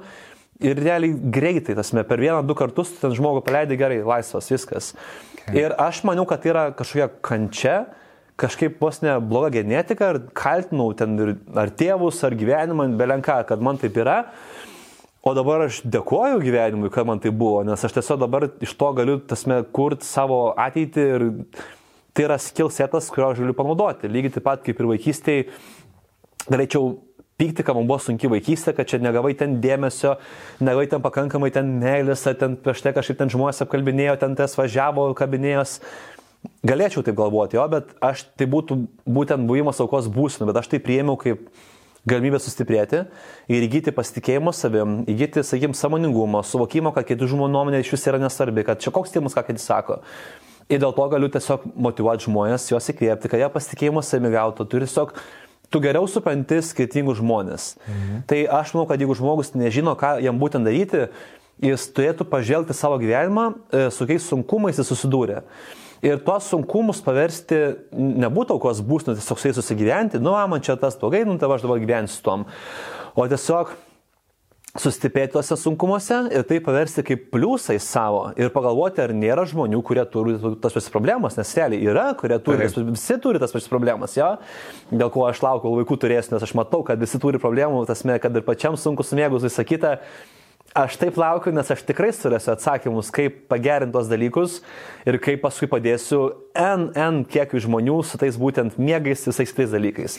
Nes tikrai yra atsakymai. Negali būti, kad visas pasaulis buvo kankinasi ir jo, čia nėra jokio atsakymo. Tikrai čia tiesiog kankinkis dabar, žinai. Tikrai kažkas turi būti ir aš, tas žmogus, aš sugalvoju tą atsakymą. Okay. Tai va, tai žmogus, kuris nesigaudo, jis gali pagalvoti, jeigu, pavyzdžiui, jam sunku psichologiškai. Jam reikia surasti stiprybės, pakilti iš to, galbūt specifinė problema. Pavyzdžiui, duosiu pavyzdį. Veido odos sutrikimai. Tarkim, turi akne, ten pilnas pagų. Domėkis, nesusitaikyk su tom, gilinkis, galbūt man to, pavyzdžiui, niekada nebuvo, o kitiems, žinau, pilna kamera. Yeah. Ir jie palieka veido odos specialistai. Ir jie viską apie tai išmano. Kitam žmogui galbūt nupliko galva, tarkim, neturi plaukų. Jis paėmė su tokia plaukus, su skim procedūram, su skom ten tą, na, dabar konsultuoja žmonės. Taip pat sena klinikos, kai daro transplantus, ten lenkaja, tasme, kaip tokios klinikos atsiranda. Žmonės, kurie turėjo tą problemą, tą problemą išsprendė, padeda kitiems žmonėms tą problemą tvarkyti. Galbūt tu turi problemą, sakykime, nežinau, tu suoji tapti krepšininku ir tu neradai trenerio, kuris tai išmokytų. Tarkim, Dabar tu išmokai, tapai treneris, tai dabar mokai vaikus arba suaugusius kaip krepšinį žaisti. Tasme, belenka, tu dabar nemokėjai nuo turėjai kompleksą dainavimo, tasme, per pamokas tu tiesiog tylėdavai. Ir tu manai, kad yra žmonių, kurie norėtų, bet nemoka, nedrįsta. Ir tau dar patinka dainuoti. Gerai, liuks tap dainavimo mokytojas, tasme, mokytojas, tasme, sukurk pamokas. Galbūt atsiras vis tiek kažkoks kiekis žmonių, nes kiek to reiktų žmonių, kad tu galėtum pragyventi. Nedaug. Užteks keliasdešimt žmonių, kurie pas tai lankytųsi, kad tu jam padėtum ir kad tu pragyventum. Tai čia nėra taip sunku išeiti vat, ant savęs kažką daryti, dirbti, jeigu nu, kalbam apie darbą ant savęs, kad tu grinai būtum nepriklausoma finansiškai. Nėra taip sunku. Mm. Bet reikia galvoti gerai, ką aš sugebu daryti gerai, kas man patiktų ir realiai, kur galėčiau padėti kitiems žmonėms. Čia jau yra septyni įpročiai iš Stephen Covey knygos ir Eight Habit, aštuntas įprotis. Taip pat jau neturit, rekomenduoju garsinti aštuntas įprotis ant kitą jo knygą. Aha, aš esu ją beje klausęs. Šiaip Man tavo šitas mintis irgi priminė dar vieną knygą, kurią tu gal esi klausęs ir mm. audiotekoje yra Ryan Holiday Kliūtis pavers galimybėmis. Esu girdėjęs. Labai daug ja. apie tai vat, kalba būtent. E, Tas konceptas toks yra faktiškai, kad girdžiu iš pavadinimo. Nes nu, gali, gali visą knygą apie tai rašyti, nes ja. mes galim čia išsiplės belenkiek. Jis tiesiog, nes uh, kuo man patinka audio knygos ir, ir turbūt dėl ko aš pradėjau klausyti ir, ir pilnos audio knygos, ja. žinai, ne kažkokios sutrumpintos, nes E, ir va tokiose knygose kaip Ryan Holiday, Kliūtis pavers galimybėm, ten yra daug istorijų. Žinai, ir būna, nuklausai vieną o, jo, istoriją, jo. antrą. Ir, nu, taip, ir, ir būna kažkokia viena istorija, kuri taip tave rezonuoja, gauna tą jautrą. Atitinka tai, ką tu jo. darai. Ir va, to, tos istorijos būna, kad ir užtenka tam, kad tu patikėtum tuo ir, ir įgautum motivacijos, imtumės veiksmų. Priminiai, Um, dėl Kernagi knygos yra ten How to Stop Worrying arba How to Win Friends and Influence Abi, People. Yra, jo, jo, jo, tai mm -hmm. ten daug visokių istorijų pateikinė, kad žmogus buvo ten tą, padarė tą, ten taip ir taip buvo. Tai va, lengvos knygos, kur žmonėms gal irgi rekomenduočiau jų pradėti, būtent labai ja. labai tokios geros knygos. Jo, Piteriu. Atrodo lengvas jos, nu, tvarsiai. Ne, nu, faktas tikrųjų, dabar, kai tu jau galbūt turi daugiau suvokimo, tai tau atrodo lengva, bet kai tuo metu klausai, kaip nesijaudinti. Man atrodo, mm. tu čia kaip nesijaudinti, neįmanoma. Yeah. Tasme, bet vis laik yra atsakymai, dažniausiai tiesiog yra žinių trūkumas. Uh, viena tokia tema, kurią aš norėjau pasikalbėti dar uh, iš tavo pokalbio, tu buvai užsiminęs, vad, nu gerai, yra tarkim viena situacija, ne tavo situacija, kai tu uh, eini vieną darbą, antrą, trečią, ketvirtą, žinai, bandaisi, tokiu būdu ieškai, bet tu pats minėjai, kad būna žmonės pragyvena iki 40-45 metų, galbūt mm. dar daugiau, žinai, ir supranta, kad nu jie jau tikrai, net jeigu ir buvo savo kelyje, dabar jau tikrai nebe jame yra, žinai. Ir, mm. ir tada e, tu pats paminėjai, kad ten visokie vidiniai prieštaravimai, ar aš čia, nu, kaip aš dabar čia nurašysiu visą tai, ką per savo gyvenimą padariau, aš čia nutapau, tarkim, specialistų kažkokioje srityje, man čia nepavyks, nu, daug tokių vidinių um, abejonių, vidinių nuostatų, žinai, kurias reikia pakeisti. Uh, kaip su juom kovoti, nes kai tau yra 45, tarkim, ir tu supranti, kad ne, viskas, nebėra energijos tame, ką tu darai, tu realiai turi keisti visiškai specialybę ir blogiausia, net nežinai ką. Man iš karto, kai tu užsiminiai, kilo du pavyzdžiai galvoj. Um, tai neprisimenu tos moters vardo, e, kuri tenai įsisuko tą didžiausią įmonę su grožiu, e, kur ten tas vos ne kaip e, tas trikampas, žinai, tas visas, tas metu dirbi. Aha. Yeah, um, Pesimis pavadinimą žodžiu, moteris, kuriai buvo kem penki metai, jinai galvoja, uh, kaip dabar man padaryti straipsnį ir mokymus e, ir perduoti informaciją vyram, tarkim, kurie nori pradėti ant savęs. Ir ten sukūrė labai labai gerus mokymus ir norėjo eiti per įmonės pristatinėti ir galvoja, o kodėl man pačiai to nepadaryti? Kodėl man tas met, ant tiek geras dėlas, kad, hmm, nes jinai dirbo būtent kažkokio įmoniai ir mm. toks buvo jos, kaip specialybė, tai jos buvo. Tai jinai paėmė, tą pritaikė savo būtent sėtį su grožiu ir pradėjo įkvėpti kitas moteris, pardavinėdama grožio paslaugas. Ir automatiškai tos moteris pradėjo pardavinėti kitiems žmonėms ir vos ne pasai stato pas savim žmonės panašiai. Ir ten tapo visiškai multimilijardinė įmonė ir, ir jai buvo gal kokiam 5 metų. Aha. Tai tą būtent pasiekė. Tai mes, kitas, kita istorija, kad prisiminė man būtent galvoj, tikrai man tas žodis ateis, tos moters vardas pavardė, aš priminsiu, bet e, ar tu žinai istoriją, pavyzdžiui, e, KFC kaip atsirado, būtent e, Kentucky Fried Chicken. Ne. Nesigirdėjęs. Sigirdėjęs okay. McDonald's istoriją, bet ne Kentucky Fried Chicken. Žmogui, savininkui buvo šiam penki metai, kai jisai tiesiog dirbo, turėjo tokia kaip, sakykime, užkandinę ir e, ten tokia kaip degalinė daugmaž buvo. Ir tiesiog ten gali žinai užkasti. Tai jis ten turėjo grylinę, tokia kaip aliejų kepti tą vištieną ir jis tą vištieną pats pakepdavo lankytojai visiems. Mhm. Ir jis e, tuo metu buvo kaip, vos ne kaip krizė tuo metu Amerikai. Ir jis buvo priverstas tą užkandinę uždaryti, nes tiesiog negalėjo išlaikyti žmogus. Ir jis sako, nu, okei, okay, užkandinę uždarysiu, bet nu, ta vištiena, aš žinau, kad jisai patinka, aš žinau, kad mm. visi žmonės atsiliepia, kad tikrai ta gera vištiena yra. Ir jisai paėmė tą receptą ir jis bandė, man rodos, ar devynis vos ne metus tą receptą pardavinėti e, kitiem restoranam ir tiesiog taip, maisto užkandinių tinklam. Ir pradžiai ten porą metų niekas nesutiko, gal vienas, du žmonės, kol galiausiai plėtėsi, plėtėsi iki tokio lygio, kad ten vos ne jau šimtų šimtais, ten vos ne tūkstančiais tų kaušinių atsirado, jis pardė savo verslą ir ten buvo vos ne multimilijardierius, gal milijonierius tais laikais dar. Tai kodėl aš tą sakau? Nes žmogus pirmiausia kvesionuoja savo amžių. Ir aš tą amžiaus visą atmasą, tai pasakykim, girdžiu pati pirmiausia. Man, man jau amžius, klausėtų metų, kiam du. Kiek, kiam du? Ir tu galvoji, blin, man už 10 metų bus 40 suvirštas, negalvoju, aš dabar po 10 metų ant tiek susivarysiu savo mąstymą, kad nieko nebenorėsiu padaryti savo gyvenime, blin, no way, neįmanoma. Ir kai tu matai daug pavyzdžių, kuriem yra šiam 7 metų ir kurie iki šiol aktyviai užsiema, tarkim, Deepak Chopra 7-5 metais, ten kiekvieną dieną daro laivus, ten retrytus, ten belenką daro žmogus, knygas rašo, Tony Robinsonas, ten šiam 7 gal metai. Seminarai po 10 minutų trunkantis ten Max, ten daužo, visas užsisportavęs kačiokas Grand Cardon, tas metiriausiai knygas yeah. turi 100 procentų pas save. Ir um, šiam keturi metai žmogus, blin, kaip tu atrodo. Ne tai, kad tu senas, bet jisai jaunai atrodo, tas belenka. Ir, ir pilna tokių žinių, kur tu matai, kad jeigu tu gyveni savo gyvenimo būdą atitinkamai ir tu sim rūpinės, tu gali, tasme, už Warren Buffett, jam 90 plus metų. Mm. Jis iki šiol grinder, dar dirba ir net neplanuoja sustoti, 90 plus metų. Yeah. Tai tu supranti, kad amžius tiesiog yra pasiteisinimas. Ant toks pasiteisinimas, kad, nu, visiškai, ir va, iškart knyga atėjo apie amžių. Um, tarp Think and Grow Rich mąstybų turtingas taip pat yra apie amžių kalbama, kaip tas baimės veikti.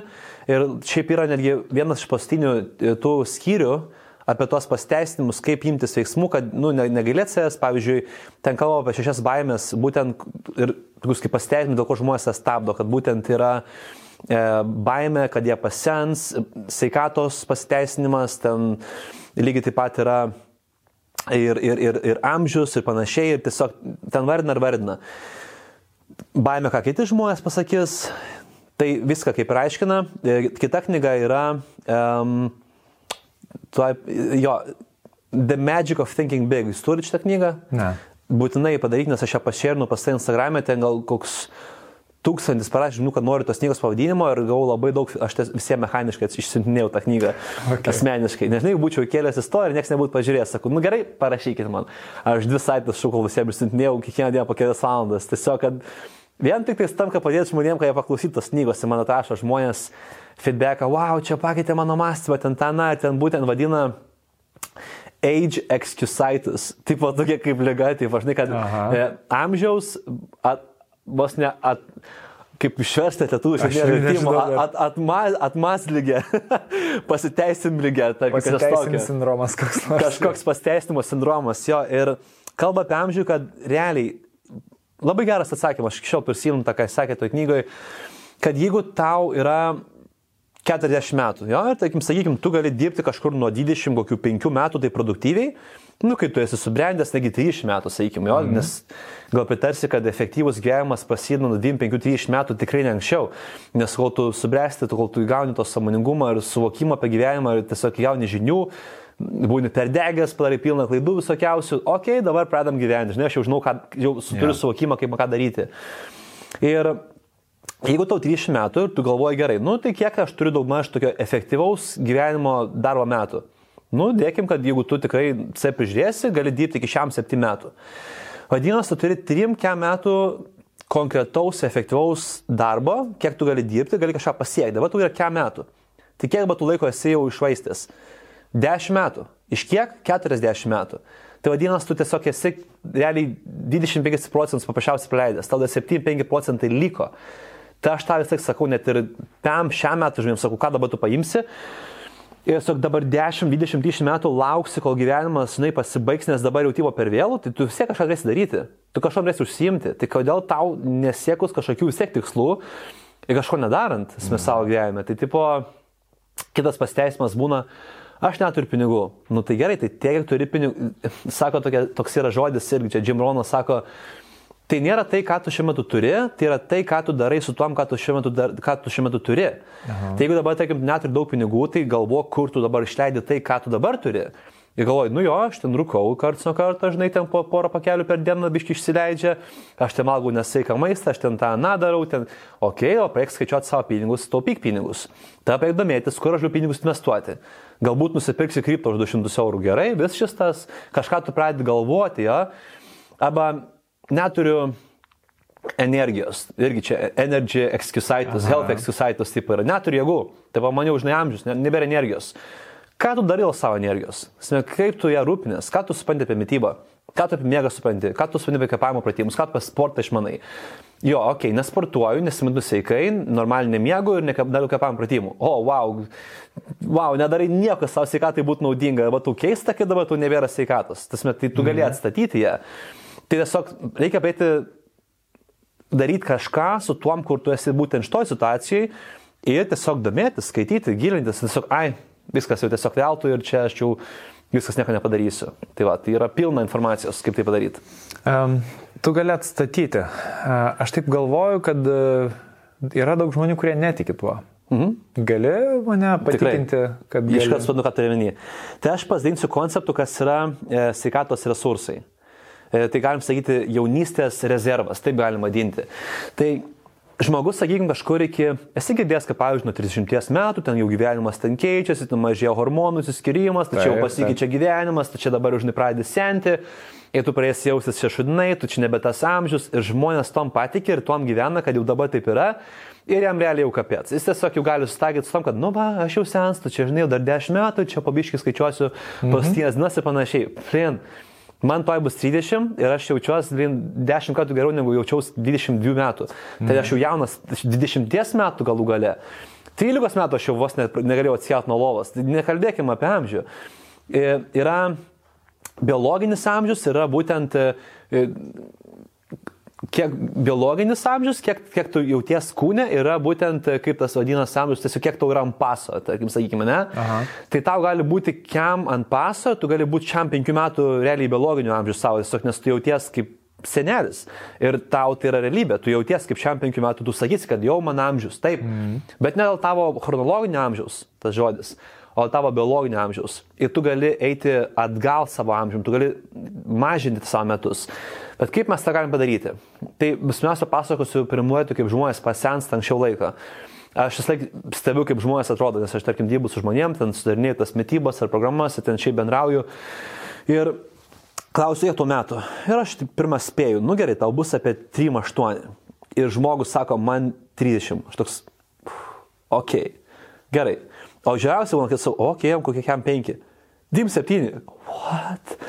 Galvoju, what, ką tu, ką tu veiki savo gyvenime. Ir esu matęs tokiu atveju, kur žmogus 28, jis vos šneka, dantis išbirėja, visas tiesiog praplykęs, ten ansvaris didžiulis ir, ir, ir tu pasiklaus, kaip žmogus gyvena, Kaip tu valgai? Na, kaip kartais. Kartais valgas, nevalgau, žinai, o kaip mėgi. Nu, visko būna. Naktim, kad, pavyzdžiui, prie kompo, ten belikadą darau.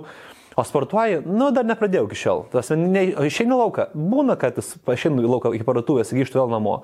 Ir tu supranti, kad žmonės kaip Janas gali nusivaryti ir, ir, ir meri mirti kem penkių metų, nes jau Kem 5, jeigu tau yra iš tikrųjų 90 metų, tai tu realiai nestėjai, kol tu mirė anksti. Mm. Arba tu gali būti 90 metų ir tau iš tikrųjų yra šiam 5.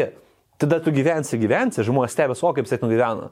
Tai mes realiai iki pat kažkur 25 metų galim sakyti, kad mes gyvenam sveikatos resursų.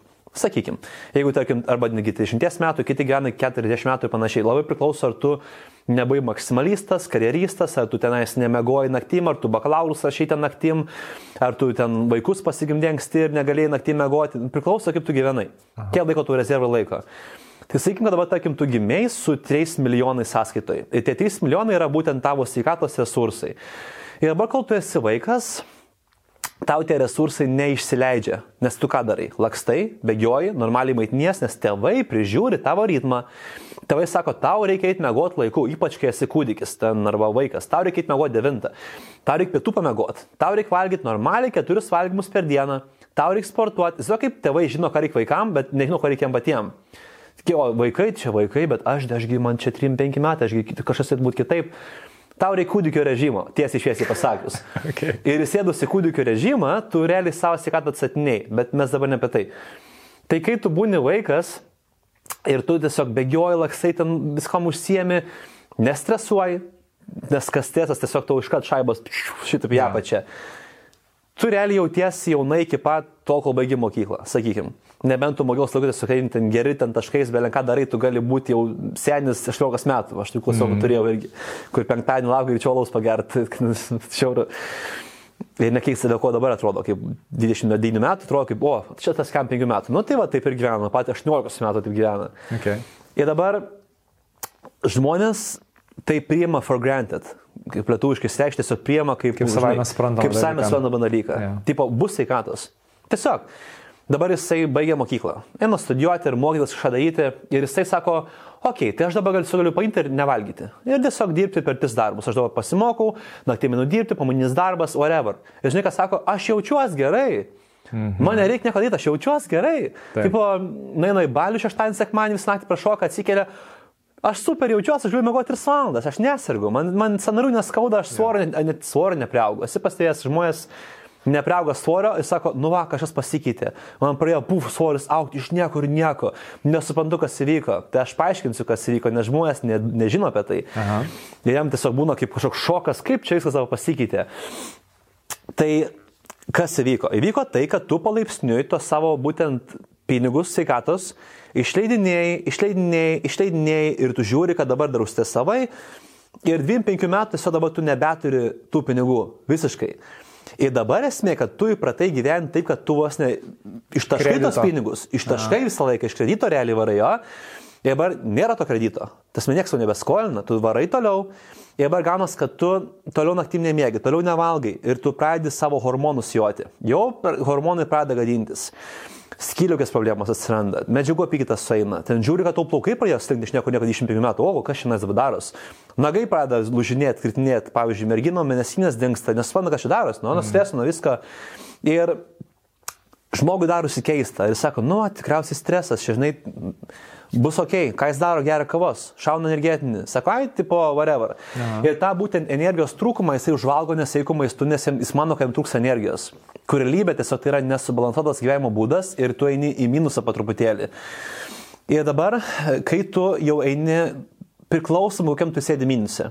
Jeigu tu esi biški minuse, bet tarkim tu pavalgai, išsimiegi, ten sagelis nedarai, nebalevuoji, tu atstatai ten tą minusą, tu vos nebalansuoji, pavargsti, mhm. atstatai, pavargsti, atstatai, bet jeigu tu įklimpai į tokį dalyką, tiesiog dabar tu turi dirbti per tris darbus ir tas tau net nenusimato, kad sustos dar ilgą laiką, Tai tu realiai va taip kasi savo griovitas, tu kasi savo duobę. Kasi, kasi, kasi, kasi ir kuo tu eini gilesnį minusą, Kas būna žmogui, jeigu jis pasiskolina? Jo, pradžiai tu galbūt būsi skoloji draugam. Nu, tu baisi net nesproto draugai, jo, bet tu primins, primins, prieš naujus metus primins, jo, jo. Dar. dar pas draugus neauks palūkanas, jo, mhm. bet po to tu jau te padoda į antstolius. Ir dabar tau jau išmušinė antstolius, dabar tau atima jau namus, tau ką tik atėmė kelių sanarius, tau skauda sanariai. Sakai, ai, kas žinai, čia kelios nariai, išsiparot galiu, jo, tarkim, tiesiog, aišku, ką aš galiu daryti su ansoliais, aš galiu tiesiog sąskaitą savo numušti iki nulio ir whatever, tegul ten kaupės, kaip iš manęs atims, jeigu nėra ką atimti. Ja. Žmonės tai daro, tas mano draugas tai darė, kuriam pinigus paskolinu. Ir ką to atima? To atima namą, jeigu tu turi namą, to atima būtą, jeigu turi tu būtą. Jo, viską to atima, užšaldo sastas, ką tu padaro? Tu nebeturi plaukų, hormonai sugadinti, tai jau tave ėda iš vidaus tavo sveikata ir sakai, bet man reikia dirbti. Bet man reikia varyti, bet aš dar noriu milijoną pasiekti. Aš palisėsiu, kaip biški man bus vėliau. Aš dar turiu tą na pasiekti, aš dar nesu laimingas, dar nesu patenkintas. Ir žmogus taip kasa saugriovį, kasa, kasa, kasa, kol galiausiai jis taip susivaro, kad jis tiesiog išsiūdo apatiją. Jis nieko nebenori, jis nebenori atsikelt, net, ne, tiesiog įsadėk susidaužo, kad jis pradeda senti dienom. Aš turiu fotkų, kai aš 25 metų, turėjau kaip 45 metų, realiai. Tas me visas tekstas išleido, kad ten žiauru. Mhm. Ir dabar aš atrodau daug jauniau negu anksčiau. Kodėl? Nes tiesiog yra ritmas teisingas. Yra mėgo ritmas, kvepavimai, yra maistas suderintas, yra sportas ir tiesiog tu realiai jaunėji. Tai dabar ką daryti tam žmogui, kuris tiesiog susivaro tą savo, sakykim, yeah. išeina iš sveikatos rezervo, nebeturi, viskas, tu tu ir tu neatstatysi jo taip, kad dabar, žinai, o aš noriu vėl per naują 3 mylus užkalt. O, jau nebus lengva užkalt 3 mylus, jo per naują. Mm. Tai bus sunku.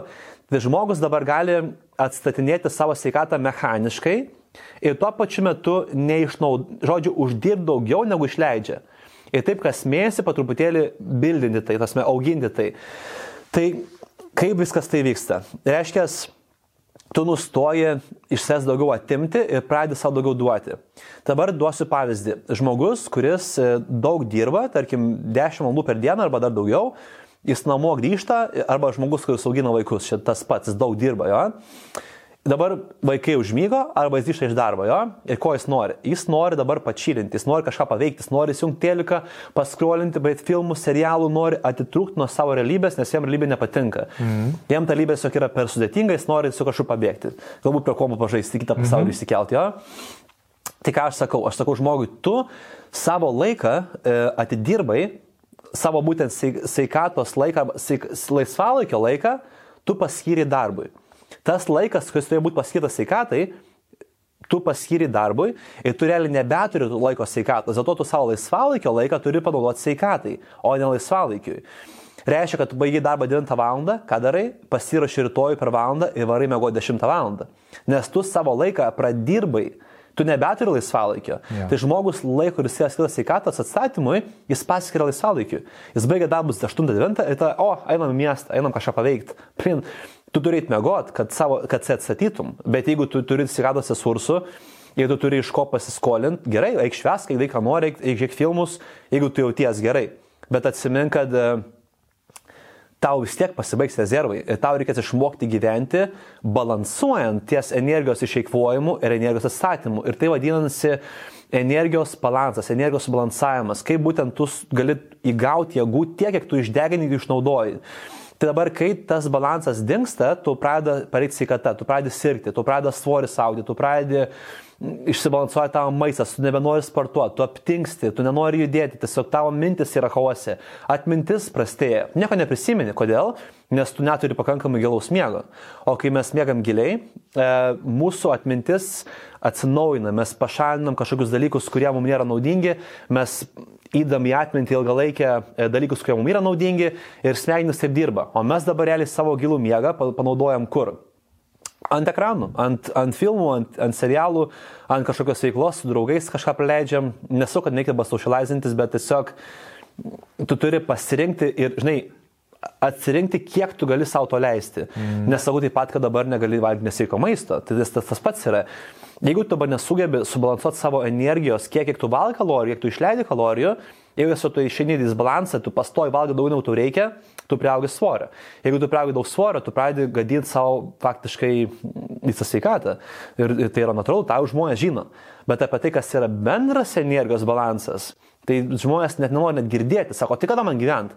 Yeah. O gyventi, aš sakyčiau, kad reikia būtent taip, kad tas gyvenimo būdas, kai tu gyveni, kad jis tau nekeltų streso pirmoje vietoje, tiesiog daryti tai, kas tau patinka daugiau.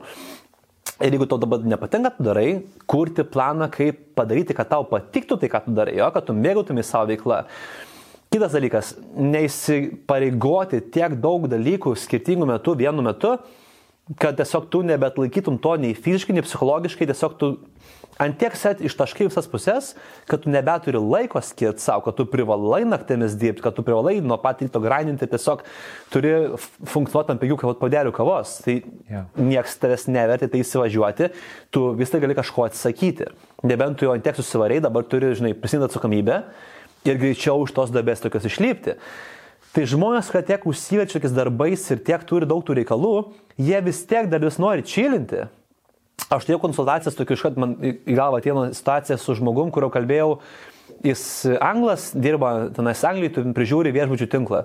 Ten daug viešbučių, jam kem plus metų ir jis vis dar gyvena gyvenimo būdą ant 10 padėlių kavos, pradeda darbus nuo 6 ryto ir visą dieną nieko nevalgo. Ir jis, baigia darbus 10 vakaro, jo, tai visi eina mėgoti Vietoj to, kad jis pavalgytų, pasiruoštų rytoj, mintis nuramintų, ne, žmogus turi žiūrėti tėliką 3 valandas. Kodėl? Sako, aš kitaip negaliu užmygti. Tu negali užmygti dėl to, nes tavo pasąmonė tau duoda informaciją, kas su tavo gyvenimu šiuo metu yra negerai ir tau yra koks tūkstantis minčių, kas dabar yra negerai.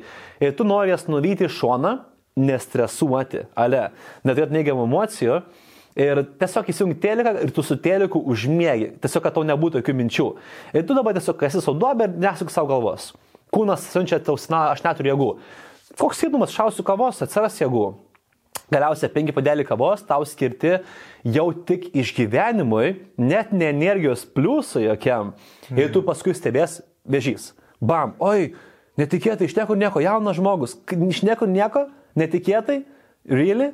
Tasme, Tai tikrai buvo laukiamas dalykas. Tai dėl to tiesiog, kai su jam pasikalbėjau, okei, okay, savo kelkis valandą anksčiau, valandą paskirk sportui, pakvepuok, numuš savo pulsą. Vakarais net tėlika žiūrėk, o nebebėg nuo savo minčių. Įsirašyk jas, okei, okay, kategorizuoja mintis. Mintis apie miegą, mintis apie darbą, mintis apie šeimą, santykiai, suvaryti, sveikata, suvaryta, pilvas užaugęs. Ten viskas tiesiog kosmose, ten vien red alertai pasišmėtyti. Iš, Ir jis, ai, gyvenimas gražus, aš uždirbu 10 štukų eurų. Super, gyvenimas gražus, aš galiu sauliaisti, ką aš noriu. Aha, ir kur tos pinigus leidi, kada tu leidi tos pinigus? Kai, kai nedirbi, o kada nedirbi? Ai, palauk, jo, aš vis laik dirbu. Tasme, čia yra žmogus susisukęs toj matricoje ir jis nesupranta, kad jis tiesiog nebegyvena, kad jis egzistuoja. Tai čia Jeigu mes kalbėtume apie tai, kaip nuo pagrindų pradėti keisti savo gyvenimo būdą, kad pirmiausia tos sveikatos nesuvaryt. Aišku, čia būtų įlus pasaulis žmogui dabar nesuvaryt. Bet ką tai tam, kuris jau suvarė? Tai vad kaip ir sakau, kaip tą atsakyti sveikatą. Pradėti vakarą laiką, kur turėtum sveikai gyventi ir ilsėtis ir pasiruošti rytojui, paskirti tiesiog nečilinimui, o būtent pirmiausia žmogui reikia tas problemas įsispręsti, kas jis turi. Tai tu dabar turi tas problemas išsirašyti ir priimti sprendimą nebebėgti nuo problemų, o priimti sprendimą, jas susitvarkyti ir nebandyti atitrūkti tam kartui. Ten ar rūkyti žolę, ar rūkyti, ar gerti alkoholį, ar tiesiog svaigintis, ar kažkur išeidinėti miestą, tik kad nebūtų savim. Mm. Nuspręsk būtų savim. Ir pažiūrėti savo realybėje akis ir susijimti ir įgyti informacijos, kurios tu reikia įgyti, kad tą reikia savo išspręstum. Nes nėra lengva supaimti, o dabar sutvarkysiu, žinai. Reikia pirmiausia apsispręsti gerai, aš esu jėmu ir keisiu savo gyvenimo būdą ir keisiu savo tą situaciją. Tada reikalinga jau mechaniniai dalykai. Prieš miegą nežiūrėti ekranus, nes reikia pirmiausia pasidomėti, kam nėra aišku, kodėl mėlyna šviesa mums kenkia, e, apie cirkadinį ritmą pasidomėti. Tai reikia paprasčiausiai įsigilinti, kodėl mums kenkia šviesos ir e, kaip tai daro neigiamą įtaką mūsų giliam miegui. Aš vieną dalyką apie miegą pasakysiu. Žmonės net neįsivaizduoja, kiek miegas yra svarbus, nes jie savo leidžia turėti vakar rutiną belenkokią. Yra darytas tyrimas su žmonėm, kur dalyvavo daug, daug tūkstančių žmonių.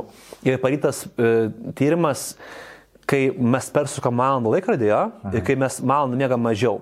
Dabar žmogus sakytų, jo, aš rytoj mėgosiu valandą mažiau.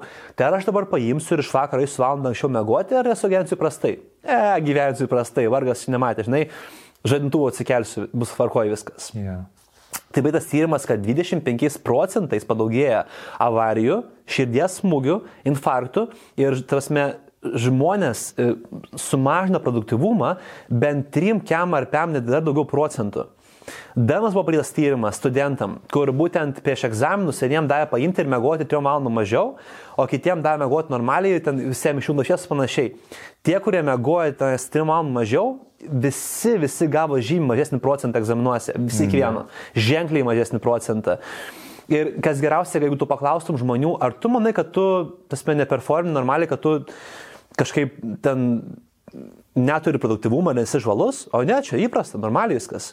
Žmonės įpranta funkcionuoti su brain fog, yeah. kaip lietuviškai, tarkim, Rūkas, toks, su rūkų galvoje, toks tipo, žinai, jo, čia mai tą padaryti, hm, okei, okay, gal paskronis telefoną biški, o tas parašė, okei, okay, dabar negali susifokusuoti. Sąmoningumo nulis, jo.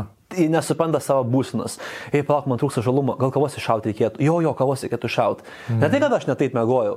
Ne tai, kad aš anksčiau naisiu mėgoti. Ne tai, kad ką aš valgau, kad aš nesuteikiu kūnui maistinių medžiagų visų. Ne, tiesiog, ai, tiesiog darysiu kažkaip kitaip. Bet to aš kalbu greit tam, kad spėčiau papasakoti, ką noriu papasakoti. Jo, jo, labai įdomu išgirsti. Nes jeigu bus galima, ką 0,75 kaip per Audi, kaip per ją pas jūs audiotekoje, sulėtinsim klausimą tempą. Okay. Tai va, tai galima sveikatą atsatinėti ir tam yra pilna, pilna įrodymų, kaip visa tai vyksta ir žmogus privalo tai padaryti. Ir konceptas, kurį jis turi suprasti, tai būtent, kad jeigu tu nuėjai minusą, tau pirmiausia reikia išlipti iš minuso. Tas mano draugas, spėk, kad jau praėjo 9 metai.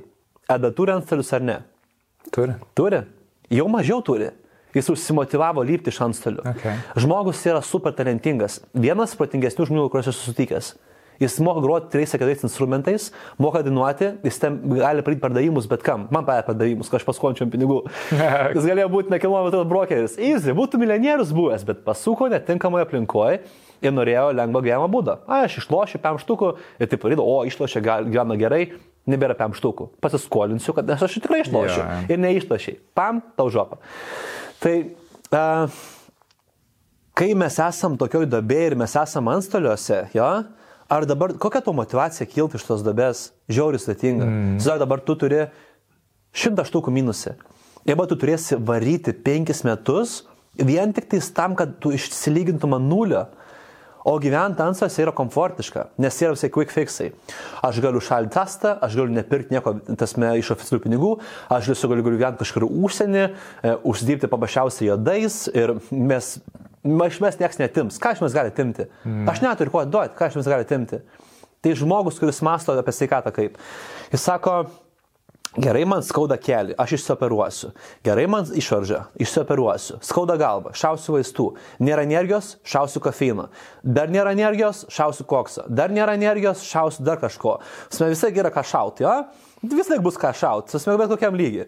Okay. Ir ta prasme, ir žmonės galvoja, kad, nu, ai, žinai, koks skirtumas. Tipo, atrodo visas jau ten 120 kg, veidas visas susidaužytas, ai, man gerai karjerų štai sekas. Arba ai man nieko nesiseka, dėl to aš tiesiog gersiu alkoholį, va jis nuskanyti savo blogas emocijas. Nes yra sunku savo pasakyti, Taip. kad aš dabar noriu paimti ir keisti savo gyvenimą ir, žinai, patikėti savim, kad aš galiu. Nes dažniausiai tie žmonės, kai toj dobėje gyvena, jie bandė keistis. Ir jie bandė tos mytybos laikytis, jie bandė su sportu susijimti, jie bandė darbą keisti. Dabar pirmiausia, tu turi aplinką, ne? Aplinka žiauri svarbu. Kiek tu bendrai kažką daryti, tas taip slapina. Sako, tu nesugebėsi, tu nepadarysi. Ir tau iš tikrųjų nepaėjo. Ir kaip va tau tikėti, kad tu iš tikrųjų gali kažką padaryti? Jeigu tau sakėt nepadarysi, tai visi smūgė ir tau teisūs. nepaėjo iš tikrųjų. Mm. Tu sakai, blin, jie buvo teisūs. Aš iš tikrųjų nekam tikęs. Nu tai vadinasi, yra žmonės, kuriem yra gerai, nes jie turi gerą genetiką, gerą aplinką, gerus draugus, gerą, ten, žinai, aplinkybės, jie yra, yra gražus, turtingi, išmintingi Vadinasi, šiandien man. Mm. Ir žmogus niekus depresuoja, kaip žmonės žudosi iš viskas yra žiauriausia. Man dažnai prašo žmonės, kad išgelbėjai gyvybę, sako, įkvėpiai per naują gyventi, aš patikėjau savim ir ten pakeičiau gyvenimą, dėl ko vieną iš dėl ko aš tiesiog darau ką aš darau, darau tai nemokamai, tiesiog, kad tu niekada dažnai su kom tu bendrausi, tu niekada dažnai, mm. kas klausysis šio įrašo, žinai. Ir žmonės pasiekia tą tašką, tiesiog jie patikė ant tiek tom negatyviom mintim, kad jie nesupranta, kas yra realybė.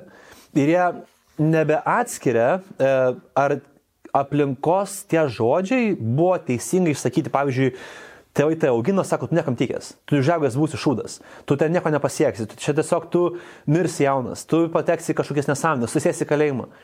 prisako, prisako, prisako ir žmonės pasaulyje tą iš- turi, žinai, jo. įstikinimą ir tiesiog taip ir gyvena. Tai faktas, kad nėra lengva kilti iš tos dobės ir būtent patikėti vėl savim, bet Na, nu, aš manau, kad tie žmonės, kurie čia žiūri šitą laidą, net jeigu yra toj vietoj, e, aš taip tikiu, kad jie žiūrėdami, žinai, jau tiki ir ieško netgi konkrečių dalykų. Ir tai jau paminėjai. Pirmas iš dalykų, ar ne, kad e, užsirašyti visas problemas, kurias tu Jo, turi išspręsti. labai padeda. Antras dalykas - miegas, miego ta disciplina. Mhm. Tai sutinku ir dabar puikiai žinau, ką reiškia neišsimiegoti, nes turiu mažą metę mergaitę dviejų mėnesių, mhm. tai toks va, yra miego stygius ir žinau tą, žinai, brain fog, kaip tu minėjai, tą rūką, Jo, tokį, jo. jisai tikrai kartais apsitraukia. Kas toliau? Ok, toliau yra maistas. Maistas labai svarbus dalykas. Tada dabar, tarkim, tu esi mašina, ne, ir tau reikia pastovi pilti kūrą. Aš taip sakau, pavyzdžiui, žmonėms, jo, dabar tau reikia detalės keisti. Negi aš dabar netgi parvešiu mašiną pas savo tėtis, mechanikas, kaip tik ir man pasisekė, nereikia man jau kažkam rūpintis, nes išvykstu į užsienį porai mėnesių ir aš tai panausiu galimybės, kad man mašiną paremontuotų. Ten mm. reikia pakeisti ant tą, reikia pakeisti tą, tiesiog dėvis, natūralu žmonės supranta, kad dėvisi mašinos. Ir reikia pakeisti ten, nežinau, skyšius, ten alyvą ar tepalus, ar netgi ratą pakeisti, kad jis iki padangą nuleidžia, o sprogo padangą. Variklis ten eina šaibom, nežinau, ten aš tų terminų net nemoku, nes aš nesidami tikrai tiek daug. Bet uh, žmonės, kai tai nutinka, mato čeką mašinoje mm. ir mato, kad, okei, okay, užsidėk čekas, net nekvesionuoja, okei, okay, reikia pakeisti. Dabar, kai jau čekai užsidega kūne, pavyzdžiui, skauda kelią, sako, ai, žinai, būna. Kaip atsirado, taip ir praeis. Tavo mašina atsirado problemos su grandinėm. Kaip atsirado, taip ir praeis.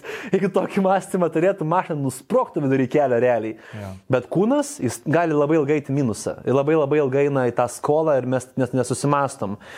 Ir e, Iš tikrųjų, e, kas būtent liečia pačią mytybą, mes lygiai taip pat ne, nepajaučiam to dalyko, kad mūsų kūnas yra kaip mašina, kuriai lygiai taip pat reikia serviso, jai reikia e, energijos, kūro, būtent maisto, kad mes galėtume funkcionuoti. Ir žmonės galvoja, kad maistas tai čia, žinai, ką įsimesi burną, tą ir turėsi. Aš, man labai patiko kažkada prieš kokį dėl 10 metų, aš perklausiau, kad, kad Marodas iš Deepak Čopros, kad e, Visos kūne esančios ląstelės, ten oda, kaulai, viskas atsiregeneruoja naujai per tam tikrą laiko tarpą.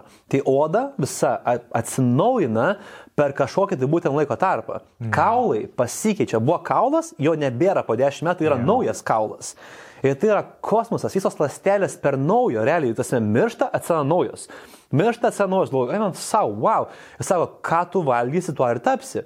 Tada galvoju, gerai, aš dabar suvalgau kebabą, tai mano kaulas pasidarė kebabė, kebabinis.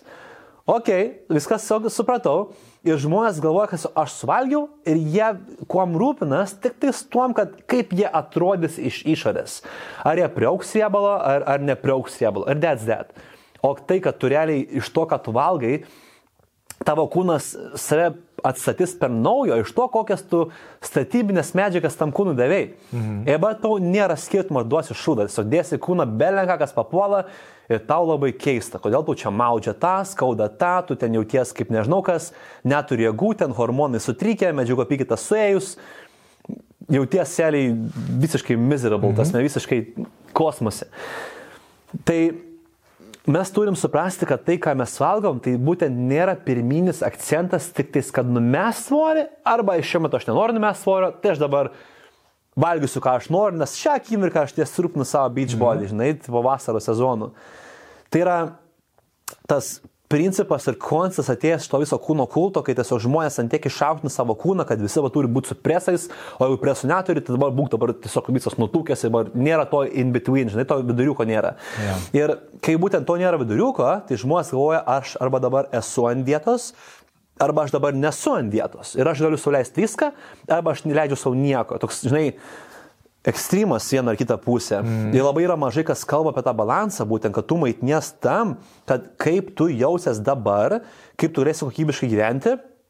Ir tai yra tam, kad koks tu būsi po 10 metų ir po 50 metų žmonės nemasto apie savo senatvę kas yra žiauriai negerai. Dėl viena, jeigu žmonės tik pagalvotų apie tai, aš tai duodu žmonėms statistiką. Aš nežinau, ar matei, tikriausiai, kad matei, aš dariau senioram projektą, vadinasi priklausomai mm -hmm. nuo jaunystės, kai aš paėmiau, tai nežinau, šiam 7-7-5 metų žmonės, kuriuos jau visi nurašė. Jie realiai visi sulūžė, negali paėti, negali pritūpti. turi ansvarį, yra susivarę ir ten tiesiog tikrai gyvena prastą gyvenimą. Ir juos būtent uh, net ir klubų sąnariai pakeisti kitiem, keliai pakeisti, stuburai operuoti. Nu tikrai realiai ne kažką situacijas pas žmonės jo. Ir jie pradeda vilti, kad kažkas padės, ir, ir, ir, ir kiti nemano, kad jiems kažkas padės, ir tiesiog tu jau pabiškai, pabiškai lauki savo gyvenimo galo. Nors tu gali tai praegzistuoti 20 metų. Jo. Tai 20 metų tiesiog pralauks gyvenimo galo, ar čia skamba kaip uh, kokybiškas, geras, pilnas gyvenimo būdas ir gyvenimo savo potencialo išnaudojimas, ta prasme, ar tai yra gyvenimas, kad tu 20 metų egzistuoji ir ne tik tiesiog egzistuoji, bet kančioj būni. Ja. Tau skauda, tu negali paeiti, tu bijai, kad tu paslysi ir sulaužysi klubą. Yra tyrimas padarytas, jeigu tau šiam plus metų, jeigu tu sulaužysi klubą, daug šansų, kad po kelių metų mirsi. Tai žmonės bijo lauką išeiti. Ir seniori sako, oho, projektas netgi žiemą užsitęs, tikėkime, kad ne, nes jeigu eisiu salę, nugriūsiu, klubos sulaužysiu, aš galiu netgi mirti. Taip sakė. Spenti ir tai yra žiauru ir tu realiai dabar tau šią metų. Dar gali nugyventi 20 metų. Ir tu jau galvoji, ar netyčia nepaslysi, nenumirsi realiai po poros metų. Ir žmonės nepagalvoja, kad tai yra realybė ateityje. Mm. Ir aš realiai turiu sporto klubą Fabioniškėse ir aš matau pastoviai senus žmonės. Nes ten tiesiog kvartalas, kur pilnas seniorų, realiai. Ir aš netgi padariau tokį kaip tyrimą. Aš važiuoju per gatvę, vaikštau, aš kiekvieną dieną vaikštau, ten vasarą, ypač kas, kas porą valandų, aš tiesiog einu pasivaikščioti, tiesiog gaunu D vitamino saulės. Ir aš paskaičiau, kiek žmonių šlubuoja arba yra su lasdelė. Iš tokių pagyvenusių žmonių. Spėk, kiek iš dešimt žmonių šlubuoja arba eina su lasdelė. Aštuoni? Aštuoni arba devyni. Okay. tai dabar. Wow. Aš norėčiau baigti tyrimą. Praeit pafilmuoti žmonės klausti, ar tu tikėjai, kai tau buvo 20 metų, 30 metų, kiek metų, kad tu šlubuosi bus lasdelė? Ar tu, ar tu mani, kad tai bus savo realybė? Koks būtų atsakymas? Ne. 9 iš 10, 10 iš 10. Mm -hmm. Tu tikės, kad dabar tu būsi neįgalus lasdelė vaikščiasi. Sakytum, oi, tu man pasakytum, kad aš negalėsiu pavaikščioti iš lovos atsikelt, išprotėjai tu gal. Yeah. Kas norėtų nutikti, kad tai nutiktų taip? Tai va, tai yra ta ateitis, kurios žmonės gali tikėtis, jeigu jie tiesiog ir toliau ignoruos savo kūną ir manis, kad kūnas yra tiesiog kaip saimės vienas dalykas, kaip sveikata, tiesiog, a, man yra ir bus. Mhm. Nifiga taip nebus. Tavasme, lygiai taip pat su finansais. Ilba, tu nieko dėl to nedarysi. Pasitausi tiesiog vyriausybė, kad tau duos pensiją. Blin, gali būti bankrotas vyriausybė, nėra kas pensijos, dabar tu žiūri, batoną gali nusipirkti. Net tu iš ko valgyti, Sme, tu sėdi gatvėje. Apie mytybą kalbant, e, aš taip, šiaip šitą temą ganėtinai domėjausi, turbūt ja. daug laiko ir, ir, žinai, kiekvienu laiku turbūt būdavo savi mitai. Nu, ten vienu metu, žinai, ten Atkinso, kaip ir vieni sako, jo, jo. dieta, kiti sako, kad ne, čia keto, gali būti jo normalus gyvenimo būdas keto. Ir dabar, kaip aš jaučiu, nu, toks gal naujas šiek tiek judėjimas ateina, kad labai, tvaržia, kad mytyba yra labai individuali. Mm. Žinai, ir nebeišeina pasakyti, kad, vat, sakykime, vien žalumynus valgyti visiems yra gerai, mm. žinai, arba, nu, tarkim, žalumynus deg, maišant ten su galbūt aliejais, kažkokiais riebalais kad iš tikrųjų netgi realiai yra žmonių, kuriems sveika valgyti ten, sakykime, miltinius kažkokius produktus, nes tiesiog jų kūnas tai labai gerai priima, bet, mhm. bet tai nėra universalu. Ir čia tiesiog vėlgi tais pačiais tyrimais yra daryti tyrimai, žinai, dabar čia net vieną knygą kažkokią nužiūrinėjau išleisti tą temą apie, e, jo, būtent apie, apie, apie tą e, labai individualizuotą mytybą, kur mhm. tu gali tiesiog stebėti realiai savo insulino atsaką tam, kad suvokti, kaip kiekviena maisto medžiaga, kurią tu vartoji, veikia tau asmeniškai. Mm. Nes insulinas skirtingai reaguoja skirtingiems žmonėms, nu, ta prasme, priklausomai nuo to, kokias medžiagas jie pavartoja. Tai dėl ko aš tau tai sakau, man įdomu, ar tu vat, tą esi jau pastebėjęs, ar galbūt tavo kaip tik yra priešinga nuomonė, kad yra kažkokia na, mytyba, kuri visgi ganėtinai universali yra. Tai puikus klausimas, nes iš tikrųjų tai papildys tą visą punktą, kaip savo sveikatą tvarkyti, kaip daugumą žmaitintis, kad būtų kažkokie nurodymai. Dabar jeigu pasakysiu, jo sportas labai individualus, žmogus galvoja, mhm, mm individualus, vadinasi, man čia bus labai sunku ir komplikuota, ar to nesportuosiu. Mhm. Jo metyba labai labai komplikuota, čia labai individualu, hmm, tai jau tiesiog tą valgysiu kaip aš noriu, nes taip ar taip galbūt man taip geriau. Okay. Tai uh, yra daug skirtingų dietų ir tasme, aš mąstau, kad pirmas dalykas, mano toks pirmas būtų punktas, kad mytyba turėtų būtent būti tokia, kuria tu gali maitintis ilgesnį laiko tarpą mhm. ir kad tai taptų vos kaip gyvenimo būdas ir kad tiesiog tu jaustumai su ja gerai ir kad tiesiog tai nebūtų kažkoks short term dalykas. Ja. Pavyzdžiui, keto dieta. O aš dabar du mėnesius laikaus, nusimečiau 20 kg, sakau, nu kaip po to buvo, tai jo, tai po to tau 20 kg, nes nebesilaikiau, tai natūralu, žinai, kad mhm. ataugu. Mhm. Ne, nenormalu, kad ataugai, nes tas, aš tas klausiu, Sakau, ar man keto dieta veiktų ar neveiktų? Sakau, ar tu įsivaizduoji savo gyvenimą be pizzos? Tu užduodi paprastą realistišką klausimą. Oi, ne, ne, ne, neįsivaizduoju. Tai ar tu eitų keto dietą? Nu, tikriausiai, kad neveiktų. O tai kam tu jas nori laikytis, kad nusimės svorį, o po to grįžti prie pizzos, tai tu atauksi svorį. Tai galbūt, galbūt dabar tu galvo, kaip tau suderinti savo mytybą, kad ta pizza tau būtų tavo mytyboje, bet tiesiog tai nebūtų vien tik pizza ir labai mažai sveiko maisto, būtų daugiau sveiko maisto ir karts nuo karto pizzą, tu nesijaustum, kad dabar tu kažką paukoji, atiduodi, negali su kažko leisti. Čia būtų mano toks pirmas principas, kad mhm. laikytis mytybos tokios, kokios reikia laikytis visą gyvenimą. Ar tiesiog, kad ir tas pats nesveikas maistas, kad įeitų tau tokiu dažnumu, kad tu jaustumės to gerai. Nes niekada nebus tai, kad dabar tu kažko kategoriškai negali, nes dabar tu tiesiog nuo to mirsi nėra ne vieno tokio produkto, ne vieno, kad dabar suvalgy, yeah. pakratėjai, nebent tu nuodus, paėmė, o, kiek dabar šausiu, žinai, tą jau tada darysiu. Vienas, antras punktas, taip, yra pagrindai, kurių reikėtų laikytis. Ir tai nebūtinai yra, kad būtent specifiškai kokį valgymą reikėtų valgyti, bet pagrindai, kurie turėtų būti daromi. Ir lygiai taip pat kaip yra pagrindai, Lygiai taip pat yra ir disbalansai, tai, sakykime, kaip galim tai pasireikšti, kurių žmonės jau nesilaiko, kokie nutinka disbalansai. Duosiu pavyzdį. Vieni yra už festinimą, kad nevalgyti ryte, nevalgyti vakare ir panašiai, arba tiesiog šiaip nevalgyti pusdienį, paskui valgyti iki pat nakties, tarkim. Mhm. Tai festinimas tokia yra, kai tu valgyti tam tikrą laiko tarpą ir nevalgyti laiko tarpą taip pat. Aš esu bandęs, esu žiūrėjęs, kad taip pat mačiau, kad tam tikrą kažkokį tai efektą. Tai festinti galima, jeigu tai geriau būtent tau yra nuo to pagal tavo gyvenimo būdą. Pavyzdžiui, tu, tarkim, tu pastovi skraidai, tai dabar tu gali, tarkim, tą dieną, kai tu skraidai, tiesiog nevalgyti iki pat vakaro, vakare porą valgymų suvalgyti. All good. Mhm. Jeigu tu valgai švarų gerą maistą. Bet jeigu tu festinsi, vardant to, kad galėtum paskui prisivalgyti į tas kalorijas per dieną valgymą ir iki negalėjimo apsiryti, vėlgi tai nebus tinkama tavo mytyba. Mhm. Jeigu dabar tu laikais kažkokio, ten, žinai, žemų angliavandenių, tam, kad sekmanį šautum čia idėjų ir prisėstum, kaip nežinau kas, ir ten tu tris dienas tau sustotum medžiago apykitą ir ten būtum susivaręs, tau netinka šitą mytybą. Nepaisant to, kad svoris krenta arba laiko sėtos, svoris nėra rodiklis, ja. ar to mytyba tinka. Negali būti jokių ekstremų tavo mytybai, kurios tu laikaisi. Tai čia dar vienas iš niuansų. Bet aš dabar dar ne apie tai, o apie tai, kad uh, disbalansas, koks galėtų būti. Tai žmogus dabar ryte nevalgo, tada jis pirmą valgymą suvalgo per pietų. Sako, aš rytais tai noriu valgyti. Ok, gerai. Bet tavo kūnui reikia kažkokios energijos. Tikėtina, kad tu viršini tą, kad tu iš vakaro suvalgy. Jeigu tu vakare prisivalgy, jo, dėl to tu nenori valgyti, nes tu vakare prisivalgy, natūralu. Bet tu prisivalgy dažniausiai vakare dėl poros priežasčių. Pirma, tu pirmą dienos dalį nevalgai, per pietus tu pavalgy, tu e, pažadini savo medžiagų apykitą, tavo kūnas sako, okei, okay, porą valandų praėjo, 2-3 valandos praėjo, sako, aš jau noriu vėl valgyti. Mhm. Cukrus nukrito, tu sakai, okei, okay, man reikia pakelti cukrų. Žmogus sako, ne, bet man darbas baigtis 5 val. aš dar palauksiu, aš namo grįšiu. Dabar realiai tu dabar nevalgai. Ir kūnas sako, ai dabar tu nevalgai, nu tai tada ok. Arba tau medžiagų apytas tiesiog lėtėja, stoja ir tiesiog tu sakai, nu tai aš pakentėsiu. Ir tada nieko nevalgysiu, grįžti namo, suvalgai sveiką vakarienę, sakai, nu šiandien aš valgysiu sveikai, suvalgai, pakėlė cukraus lygį, kūnas prisimė, kada tu esi deficite štuką kalorijų ir tu esi deficite, tavo kūnui reikia to maisto, tas metu mhm. neturi net pasirinkimo, ar tu prisivalgysi ar ne. Tai tu realiai prisivalgai tą štuką kalorijų, bet dar pakrauni dar ekstra štuką. Nes ar suvalgyti porą tūkstančių kalorijų lengva ar sunku? Plin, suvalgyti vieną, vieną tą e, ledų, kaip ten tie ledai vadinasi, e, kur žodžiu, galiu sakyti, pusę kilo, kur tokia yra. Net nežinau. Kai kartais užkėda, Ben Jerry's, taip.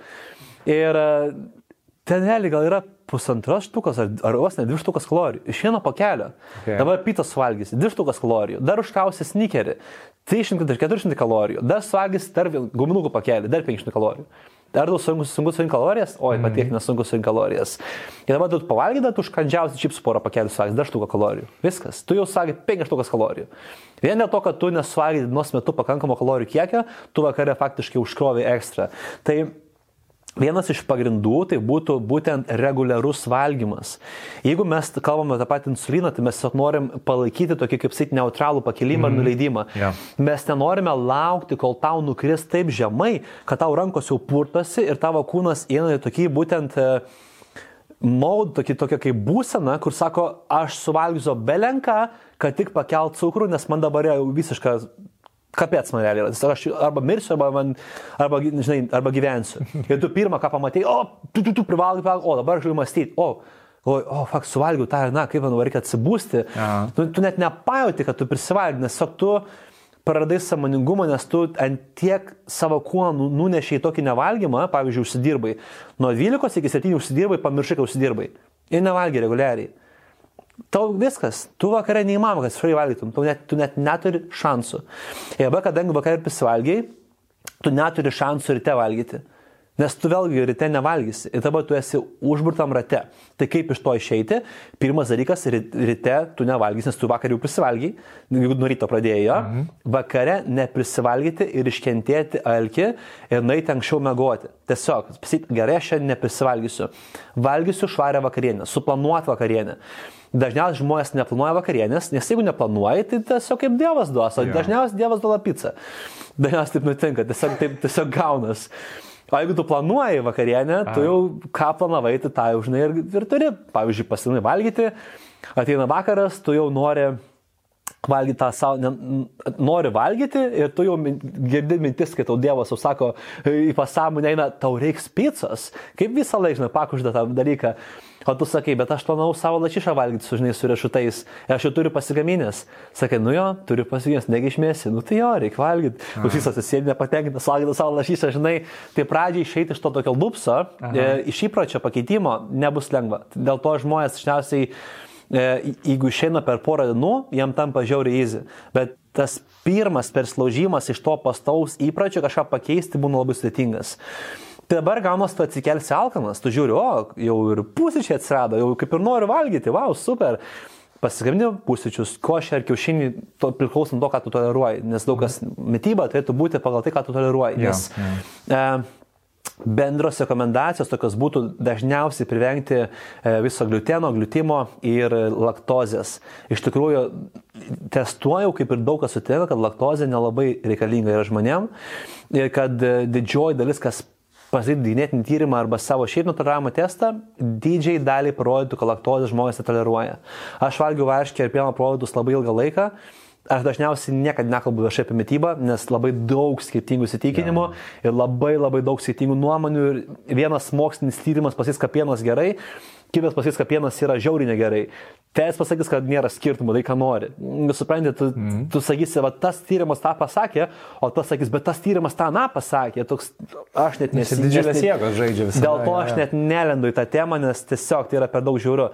Bet aš visą laiką būdavau spoguotas, tiek ant nugaros, tiek ant veido, būdavo pilnas spogų, kažkur čia tie spogai, žinai, mm. daug baltymų, nu, nu, nieko panašaus, aš dabar daug baltymų valgau, kelius šimtus gramų per dieną, bet aš nevalgau pieno produktų. Ir viskas, ir iškart viskas, visas visai kitaip, man, man niekada nepučia pilvo, nei kartą per dieną, man, e, aš suvalgau, jeigu būnu normaliam kalorijų, žinai, kiek, kiek aš valgau, susiviešina staigiai. Valandą, pusantros tu faktiškai esi plus minus alkanas. Okay. Tai dėl to aš kaip ir sakyčiau, kad galbūt nereikėtų, bent jau pabandyti reikėtų mėnesį ir tą palyginti, e, kaip tu ir jauties nuo to.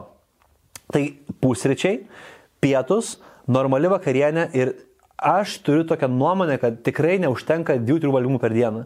Nu, neužtenka. Jeigu tu esi žmogus, kuris tu pakankamai aktyviai judi, Ne? Ir jeigu tu pasportuoji, nes nu, tu kaip ir turi pasportuoti, jeigu tau rūpi tavo ateitis, kaip mes kaip, kad nebūtum lasdelė, ne? Mhm. Ir, ir šiaip tu pakankamai nemažai dirbi ir daug protiškai mastai, tau reikia kalorijų, tau reikia surinkti medžiagų. Ar tu gali per tis valgymus surinkti bent jau 2,5 štukos kalorijų, tai paskaičiuokim, tau reikėtų suvalgyti po 800 30 kalorijų per vieną porciją. Aš tau galiu įvardinti, kiek, kiek tai būtų. Tai praktiškai būtų apie 150 gramų makaronų arba ryžių ir 200 gramų mėsos. Įdomu, kaip tai atrodytų, didžiulė lėkštė, o toks kalnas. Aš norėčiau tiesiog pažiūrėti, tu valgai 105 gramų ryžių. Norėčiau pasižiūrėti. Tu neįveiktum niekaip. Yeah. Tai yra tas, tas men niekaip neįveiktum. Jeigu dar valgyti reguliariai, tris, tokias, tai tris porcijas tokias vienas valgyti, Tai ką tai pasako apie žmogų? Žmonės nesurenka pakankamai būtent maistinių medžiagų. Mhm. Jie nesurenka pakankamai sveiko maisto. Iš kur poreikis ateina, ateina būtent nesiekiai valgyti ir užkandžiauti? Nes tu nesurenki. Tavo porcija yra maksimum. Geriausiu atveju 500 kalorijų. Jie var panelės valgo po 300 kalorijų, nes taip reikia valgyti mažom porcijom. Kiek jos surenka? Iki 1000 kalorijų. Tai ar jom yra keista, kaip jos dabar bando laikyti švarios mytybos ir sako, čia neįmanoma. Aišku, neįmanoma, nes tu per mažai valgai. Tai dėl to reikalinga pirmiausia yra Ne kad dabar mes svorį visiems jo, bet normalizuoti savo energijos lygį, valgant didesnį kiekį švaraus ir sveiko maisto. Tai aš rekomenduoju bent keturis valgymus. Okay. Tai būtent yra, sakykim, ryte, uh, per pietus, tada eina kažkur apie trečią valandą, nes nurealiai trečią valandą, tai dabar jeigu tu uh, valgai 12 ir grįžti namo 7 arba 6, Tik, tik ką tu veiksi tą laiką? Užkandžiausi? Tik kas valandą rieštus kapuosi? Tai tu tiesiog įprasi ištisai kažką dėti burną. Mhm. Ir tu nepajausi, kaip tu viršiai kalorijas savo. Tas nėra irgi ok. Dėl to geriausia yra neužkėlinėti savo cukraus lygį tiesiog kas valandą. Kas 3 valandas tu pakeli, stabiliai po truputėlį nukritinėje pakeli ir tiesiog tavo diena neturi energijos šuolių. Nėra, kad dabar trečią valandą nuosavą tu paimi žiovų, nori mėgoti. Taip neturi būti, turi išterti dieną laisvai iki vakaro, be jokių energijos šuolių, o tai gali praeiti, kai tu valgai reguliariai. Tai va, dėl to maistą reikia planuoti ir būtent juo rūpintis iš anksto. Kaip tu savo darbus planuoji, turi maistą planuoti, žmonėms čia kosmosas, bet aš daug dirbu. Sauva, so, dabar tu daug važiuoji su mašina. Tai dabar nėra kada sustoti laiko, pasipil kurą, sustos, nes būsi priverstas sustoti. Yeah. Ir pastinis dalykas būtent vakarienė. Tai gaunas keturi valgymai. Tai jeigu dabar tu sportuoji ryte prieš valgymą, tu būtent pavalgai po sporto. Jeigu tu sportuoji vakare, tu pavalgai po sporto. Tai gaunas, kad tu visais atvejais po sporto būsi pavalgęs ir tu pavalgysi dienos bėgi, kad tu būtum produktyvus. Vakare tada pasportuoji ir pavalgai. Ne? Pasportuoji, pavalgai. Jo. Nes dabar jeigu tu pavalgysi kokią ten 5 val. 6 val. vai sportuoti ir nevalgys nieko. Mhm. Su tavo rumenim, jeigu tuos išdraskai normaliai, intensyviai papušini, pasportuoji, nu, tau reikia atsigauti, atsakyti, tau reikia tų maistinių medžiagų, tas maistas reikalingas pas mus. Net jeigu tu baigi 9 val. sportuoti. Bet vis tik sakau taip, kad jeigu žmogus baigi 9 val. sportuoti, aš tai klausiu, ką tu veiki ryte. Koks tavo laikas, kai tu, kai tu atsikeli ryte? A, jo, aš keliuosi 8 ryto. Tai kodėl nori perkelti rytą?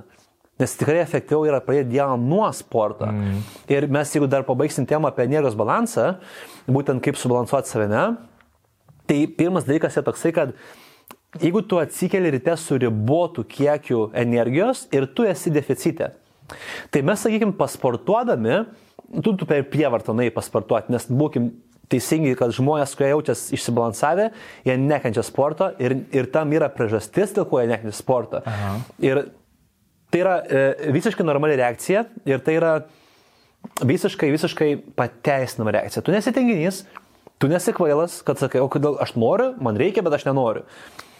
Su tai viskas yra gerai. Tiesiog tu esi energijos balanse, vad minuse. Ir dabar, kai tu, kai tu mastai apie sportą, kas tavo mintys? Man reiks bėgti, man reiks negalėjimo spausti, perėti per skausmą. Kai dažniausiai tu esi minuse, tu nenori streso pati dar daugiau jo, nes tu ir taip stresuoji, neturi jėgų, tavo atsakomybės, vaikai ant galvos, tave ten visi nervuoja, jau tu ten nori pabėgti nuo visko, nori malonumo, o tau dar sako, tu reikia savo kentėti iki negalėjimo, kojas žaikal nukrys ant žemės ir apsirems. Eik, susikištą savo sportą, tikrai nenoriu. Ir antras dalykas, čia pirma perspektyva. Kodėl žmonės nesportuoja, nes spėjau toks klausimas, mes būtų laukę, tikrai kaip ras mhm. motivacijos sportui. Tai aš vėl atsakysiu tą klausimą. E, antras dalykas yra, kad kai tu esi energijos deficite, tavo pati nervų sistema nori apsaugoti tave, kad tu neišvaistytum daugiau energijos, nes tu realiai gali net laikyti. Tu esi minuse ir dabar tu sakai, aš noriu sportuoti, arba man reikia, arba man liepas kažkas sportuoti, arba tu nueisi dar desnį minusą. Tai kas garantuoja, kad naktį neužbaliavosi, vėl taip pat nevalgysi ja. ir dabar pasiskolinęs iš sporto minusą neapsirgsi, pavyzdžiui. Easy, tu gali pasportuoti, kas yra stresas. Sportas yra stresas kūnui. Ir kai tu dar taip turi dafiga streso, dar esi minuse, dar eiti minusą, tu turi sukurti planą, kaip tu maitinsies ir kaip tu mėgosi. Nes mytyba ir miegas tai yra atsistatymas, tai yra tarsi pinigų sveikatos rezervo atstatymas, kad atstatyti būtent tavo tą investiciją, kurią tu padarėjai su sportu. Tu, sakykim, su sportu paskolinai energijos, su miego maistu atstatė energiją ir gavai dar pliusą. Tu rytoj atsikėliai, tu išlošiai 20 eurų iš pirmos treniruotės, ne? Mm. Dabar tą 20 eurų investuoji papildomai į sportą ir investuoji, vėl dar pasiskolini, nes 20 eurų neužteks, dar pasiskolini, dar investuoji ir visą tą energiją, kurią tu sukaupi per tą savo miegą, tu investuoji į sportą. Ir dabar likusią dieną, jau kaip, kaip bus, tai bus, kiek tu jėgų užteks dirbti, tiek užteks dirbti. Kiek tu jėgų turėsi tam parūpinti reikalus, tiek turėsi, nieko nepaisi, nes tu turi prioritizuoti būtent pirmiausia savo sveikatą. Nes norint subalansuoti savo gyvenimą, mes turime laikytis būtent vertybių sistemos. Sveikata, pirmas, mhm. jeigu piramidė eina sveikata, santykiai, darbas. Tai čia atskiras topikas vertas knygos, kai žmonės išsibalansuoja, tai jie būtent sumaišo viską atvirkščiai. Paima darbas nuo pat ryto. Mintis, darbas, darbas, darbas, vakare, darbas, darbas, siglo lova, mm, darbas, darbas, darbas, tai negali mėgoti. Ja? Yeah. Santykiai, kiek spėsiu kiek liks laiko, nes šeima palauks, supranta, kad ekonominiai e, dalykai yra pirmoje vietoje. Ir sveikata ir aš pats, kas tas, ką tai reiškia? Ai, koks skirtumas, žinai? Tai gaunas, kad jeigu mes norim prioritizuoti būtent savo tuos punktus, ar mes turim paskirti sportą, kas yra pirmoje vietoje savo sveikatos visoje perspektyvoje vakare, po visko, kiek liko, o jeigu neliks vakare nieko, Nieko neliko. Tu dar esi minusą vakare. Tai dar tu nori eiti iš vis kažkokį kosmosinį minusą, net tu mąstysi, kaip greičiau pavalgyti, pamegoti, right. tiesiog greičiau užtrukti tos atsitinai ir savo nemėgiamos realybės. Dėl to žmonės nepradeda sportuoti, nes pirmiausia, negali atsikelti ryte, o negali atsikelti, nes nori pabėgti nuo savo tos realybės neigiamos, o nori pabėgti, nes neturi jėgų, neturi jėgų, nes nevalgo, nevalgo, nes nežino apie tai ir nepabėga nuo savo, ne, nes nepakeičia savo gyvenimo, nes nemasto į ateitį Dėl to negauna įkvėpimo, dėl ko keistis, nes neturi žinių, kad ateitis taip ar taip ateis ir gali ateiti ateitis tokia, kokios jis nenori. Mhm. Viskas yra susiję, visi šitie dalykai ir aš iš tikrųjų labai džiaugiuosi, kad aš esu treneris, nes aš kaip pagalvoju, kad realiai gyvenimo pokyčiai, kokie tik nori. Nori pagerinti santykius - sportas. Nori pagerinti savo darbą - sportas. Nori uždirbti daugiau pinigų - sportas. Nori savo galvos sakyti - sportas. Ir dar pridėkim miegą, maistą ir kvepavimą. Kaip sportas gali santykius padėti pagerinti? Dabar, jeigu tu esi nepamegojęs, sportas, miegas, maistas ir būtent kvepavimas.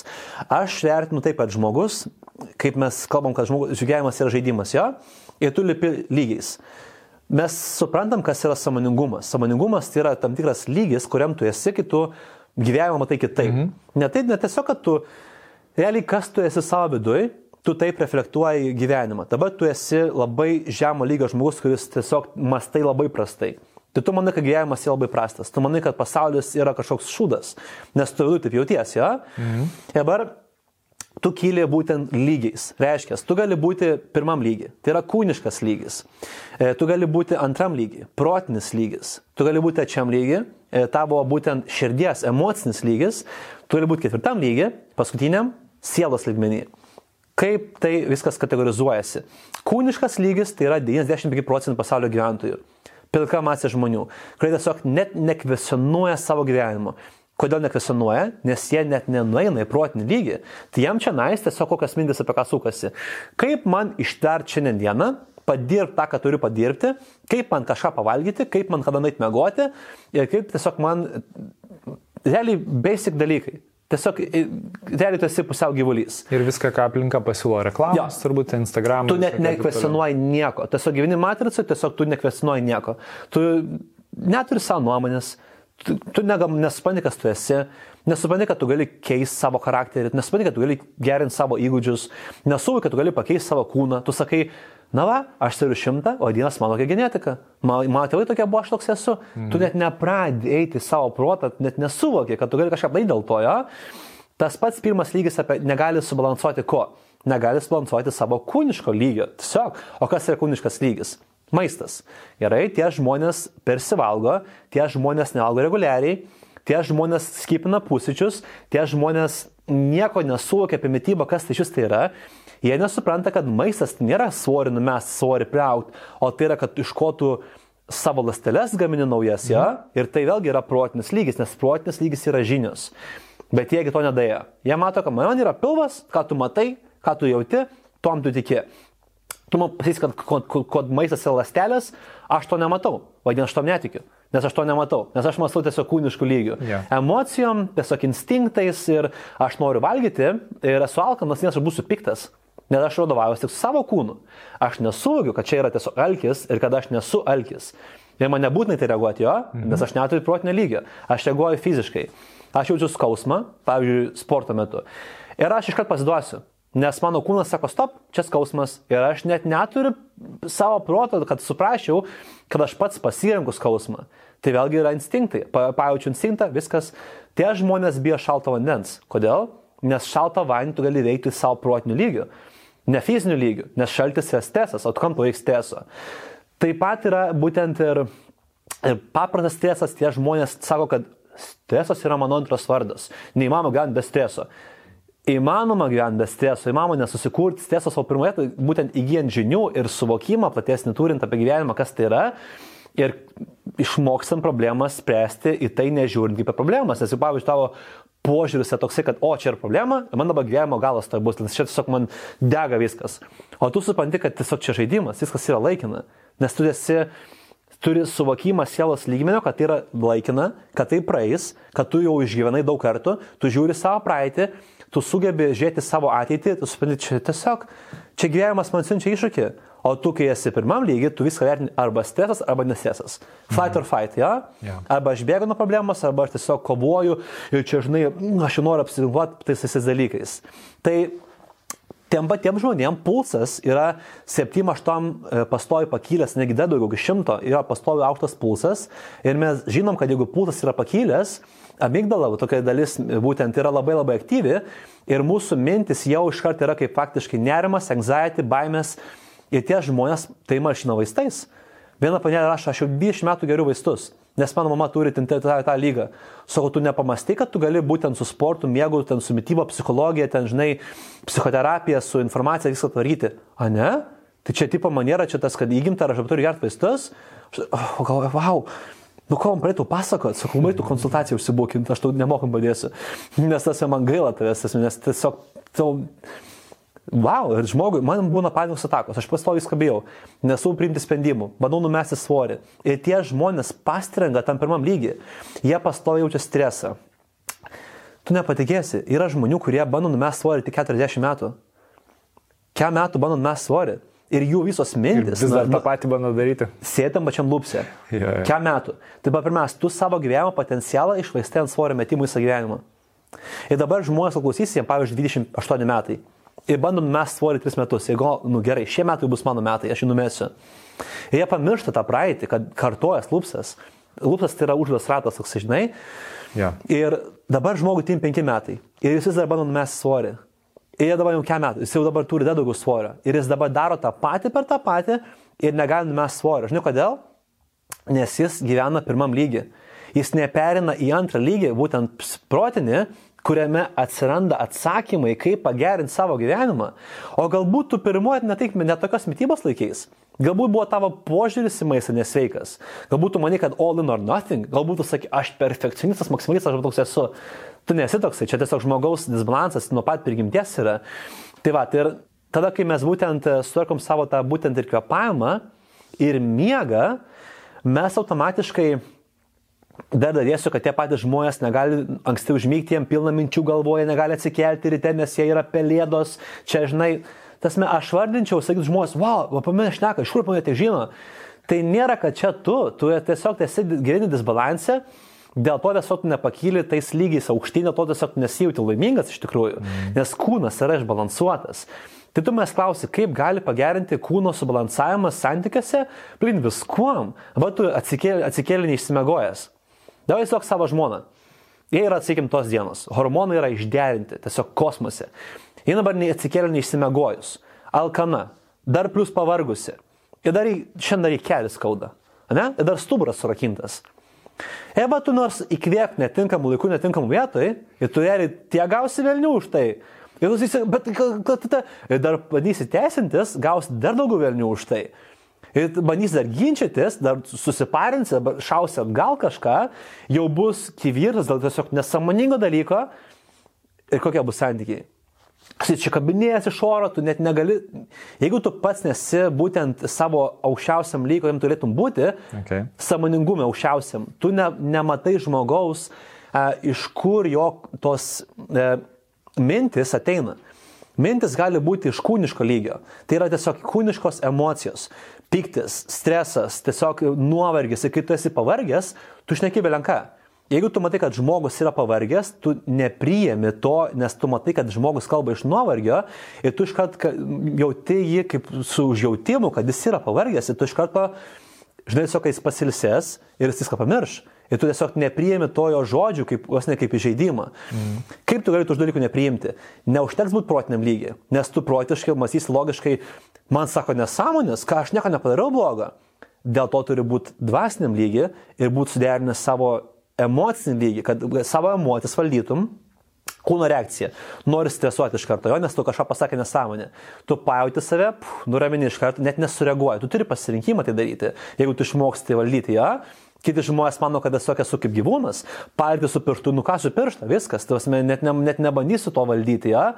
bet tiesiog tai yra būdas, kaip tą dalyką kontroliuoti.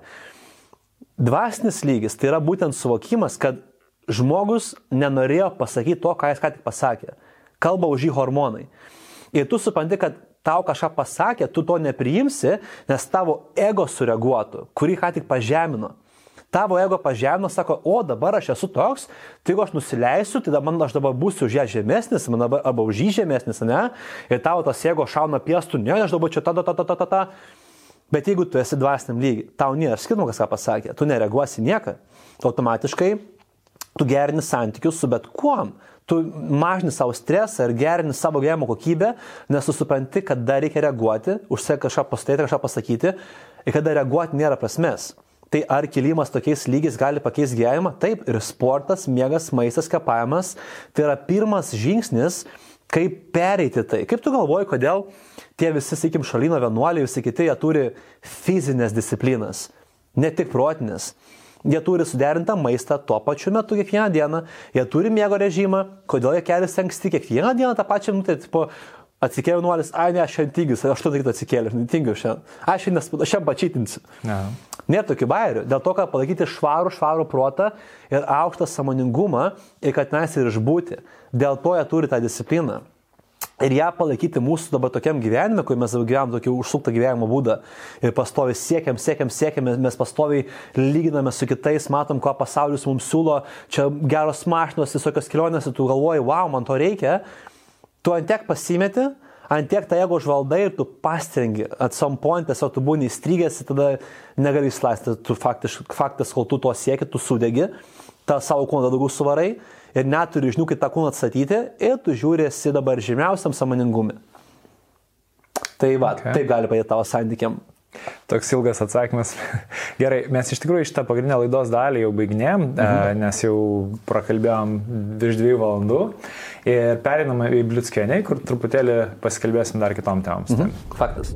Specialiai PIN bendruomeniai Contribui dar pusės valandos trukmės Blitzkienį su Noimi Berlinsku, kuriame aptariam labai daug temų Kviečiu pasižiūrėti šio pokalbio ištrauką. Atsakysiu klausimą, kodėl žmonėms neišina užmygti atsigulus lovą ir, ir yra pilna minčių. Aha. Tai yra todėl, nes... E... Kuris, sakykime, nesiekia kažkokių sportinių rezultatų, ar ne, mm. ten galbūt, nu, jam patinka kūnas taip, kaip yra, jis tiesiog nori gal geresnio, aukštesnio energijos lygio, bet kiek sportuoti reikėtų? Tu neužmygai naktį normaliai, arba tai vaikas pažadino, arba tu atsikėlė tiesiog be nuotaikos, nu, pavargęs, nusidaužęs ir esi piktas šiandien jo, ir dabar tu sėsi planuoti savo dienos. Ką tu planuosi? McDonald's šiandien, dabar čia filmą pažiūrėsim, dabar ten tą serialą įsijungsim. Tokia, what, tu dar prieš mėnesį gulėjai lovai apsiverkęs ir va tai būsi treneris žinamiausias Lietuvoje. Sakai, ką tu kalbinė sąmonė? Aš sakau, Jis nieko nesupranta, jis nieko nesupranta, tas mes jaučiu tą jausmą viduje. Pasąmonė tai yra kaip faktiškai artificial intelligence žino geriau už tave. O, stresas, aš turiu tiek problemų, man dar čia daryti tą sutvarkyti, dabar manęs laukia rytoj tie darbai, aš dabar turiu po poros metų tą, tą pasiekti, man dar laukia 5 milijonų uždirbti. Tu gali taip galvoti. Arba tu gali, aš manau, kad planavimas net ir į ateitį senatvę yra labai labai geras dalykas, žinai kodėl, nes tu Kviečiu prisijungti prie PIN vidinio rato adresu contribui.com, pasviras brūkšnelis PIN ir klausytis šio pokalbio tesnio. Ten taip pat kiekvieną mėnesį gali gauti po vieną audioteka šortą ar net po pilną audio knygą, klausytis seminarų PIN temomis. Platformoje rasi visų ankstesnių laidų Blitzkeniai įrašus bei svečių knygų rekomendacijas. Jeigu laida patiko, nepamiršk paspausti liukso, užsiprenumeruok, kad nepraleistum naujausių epizodų, o komentaruose pasidalink savo įspūdžiais iš šio pino. Galbūt jis įkvėpia kažką keisti ir savo gyvenime. Komentarus beje aš atidžiai perskaitau ir jie tikrai įkvėpia ne tik mane, bet ir visą PIN komandą. Iki kito karto.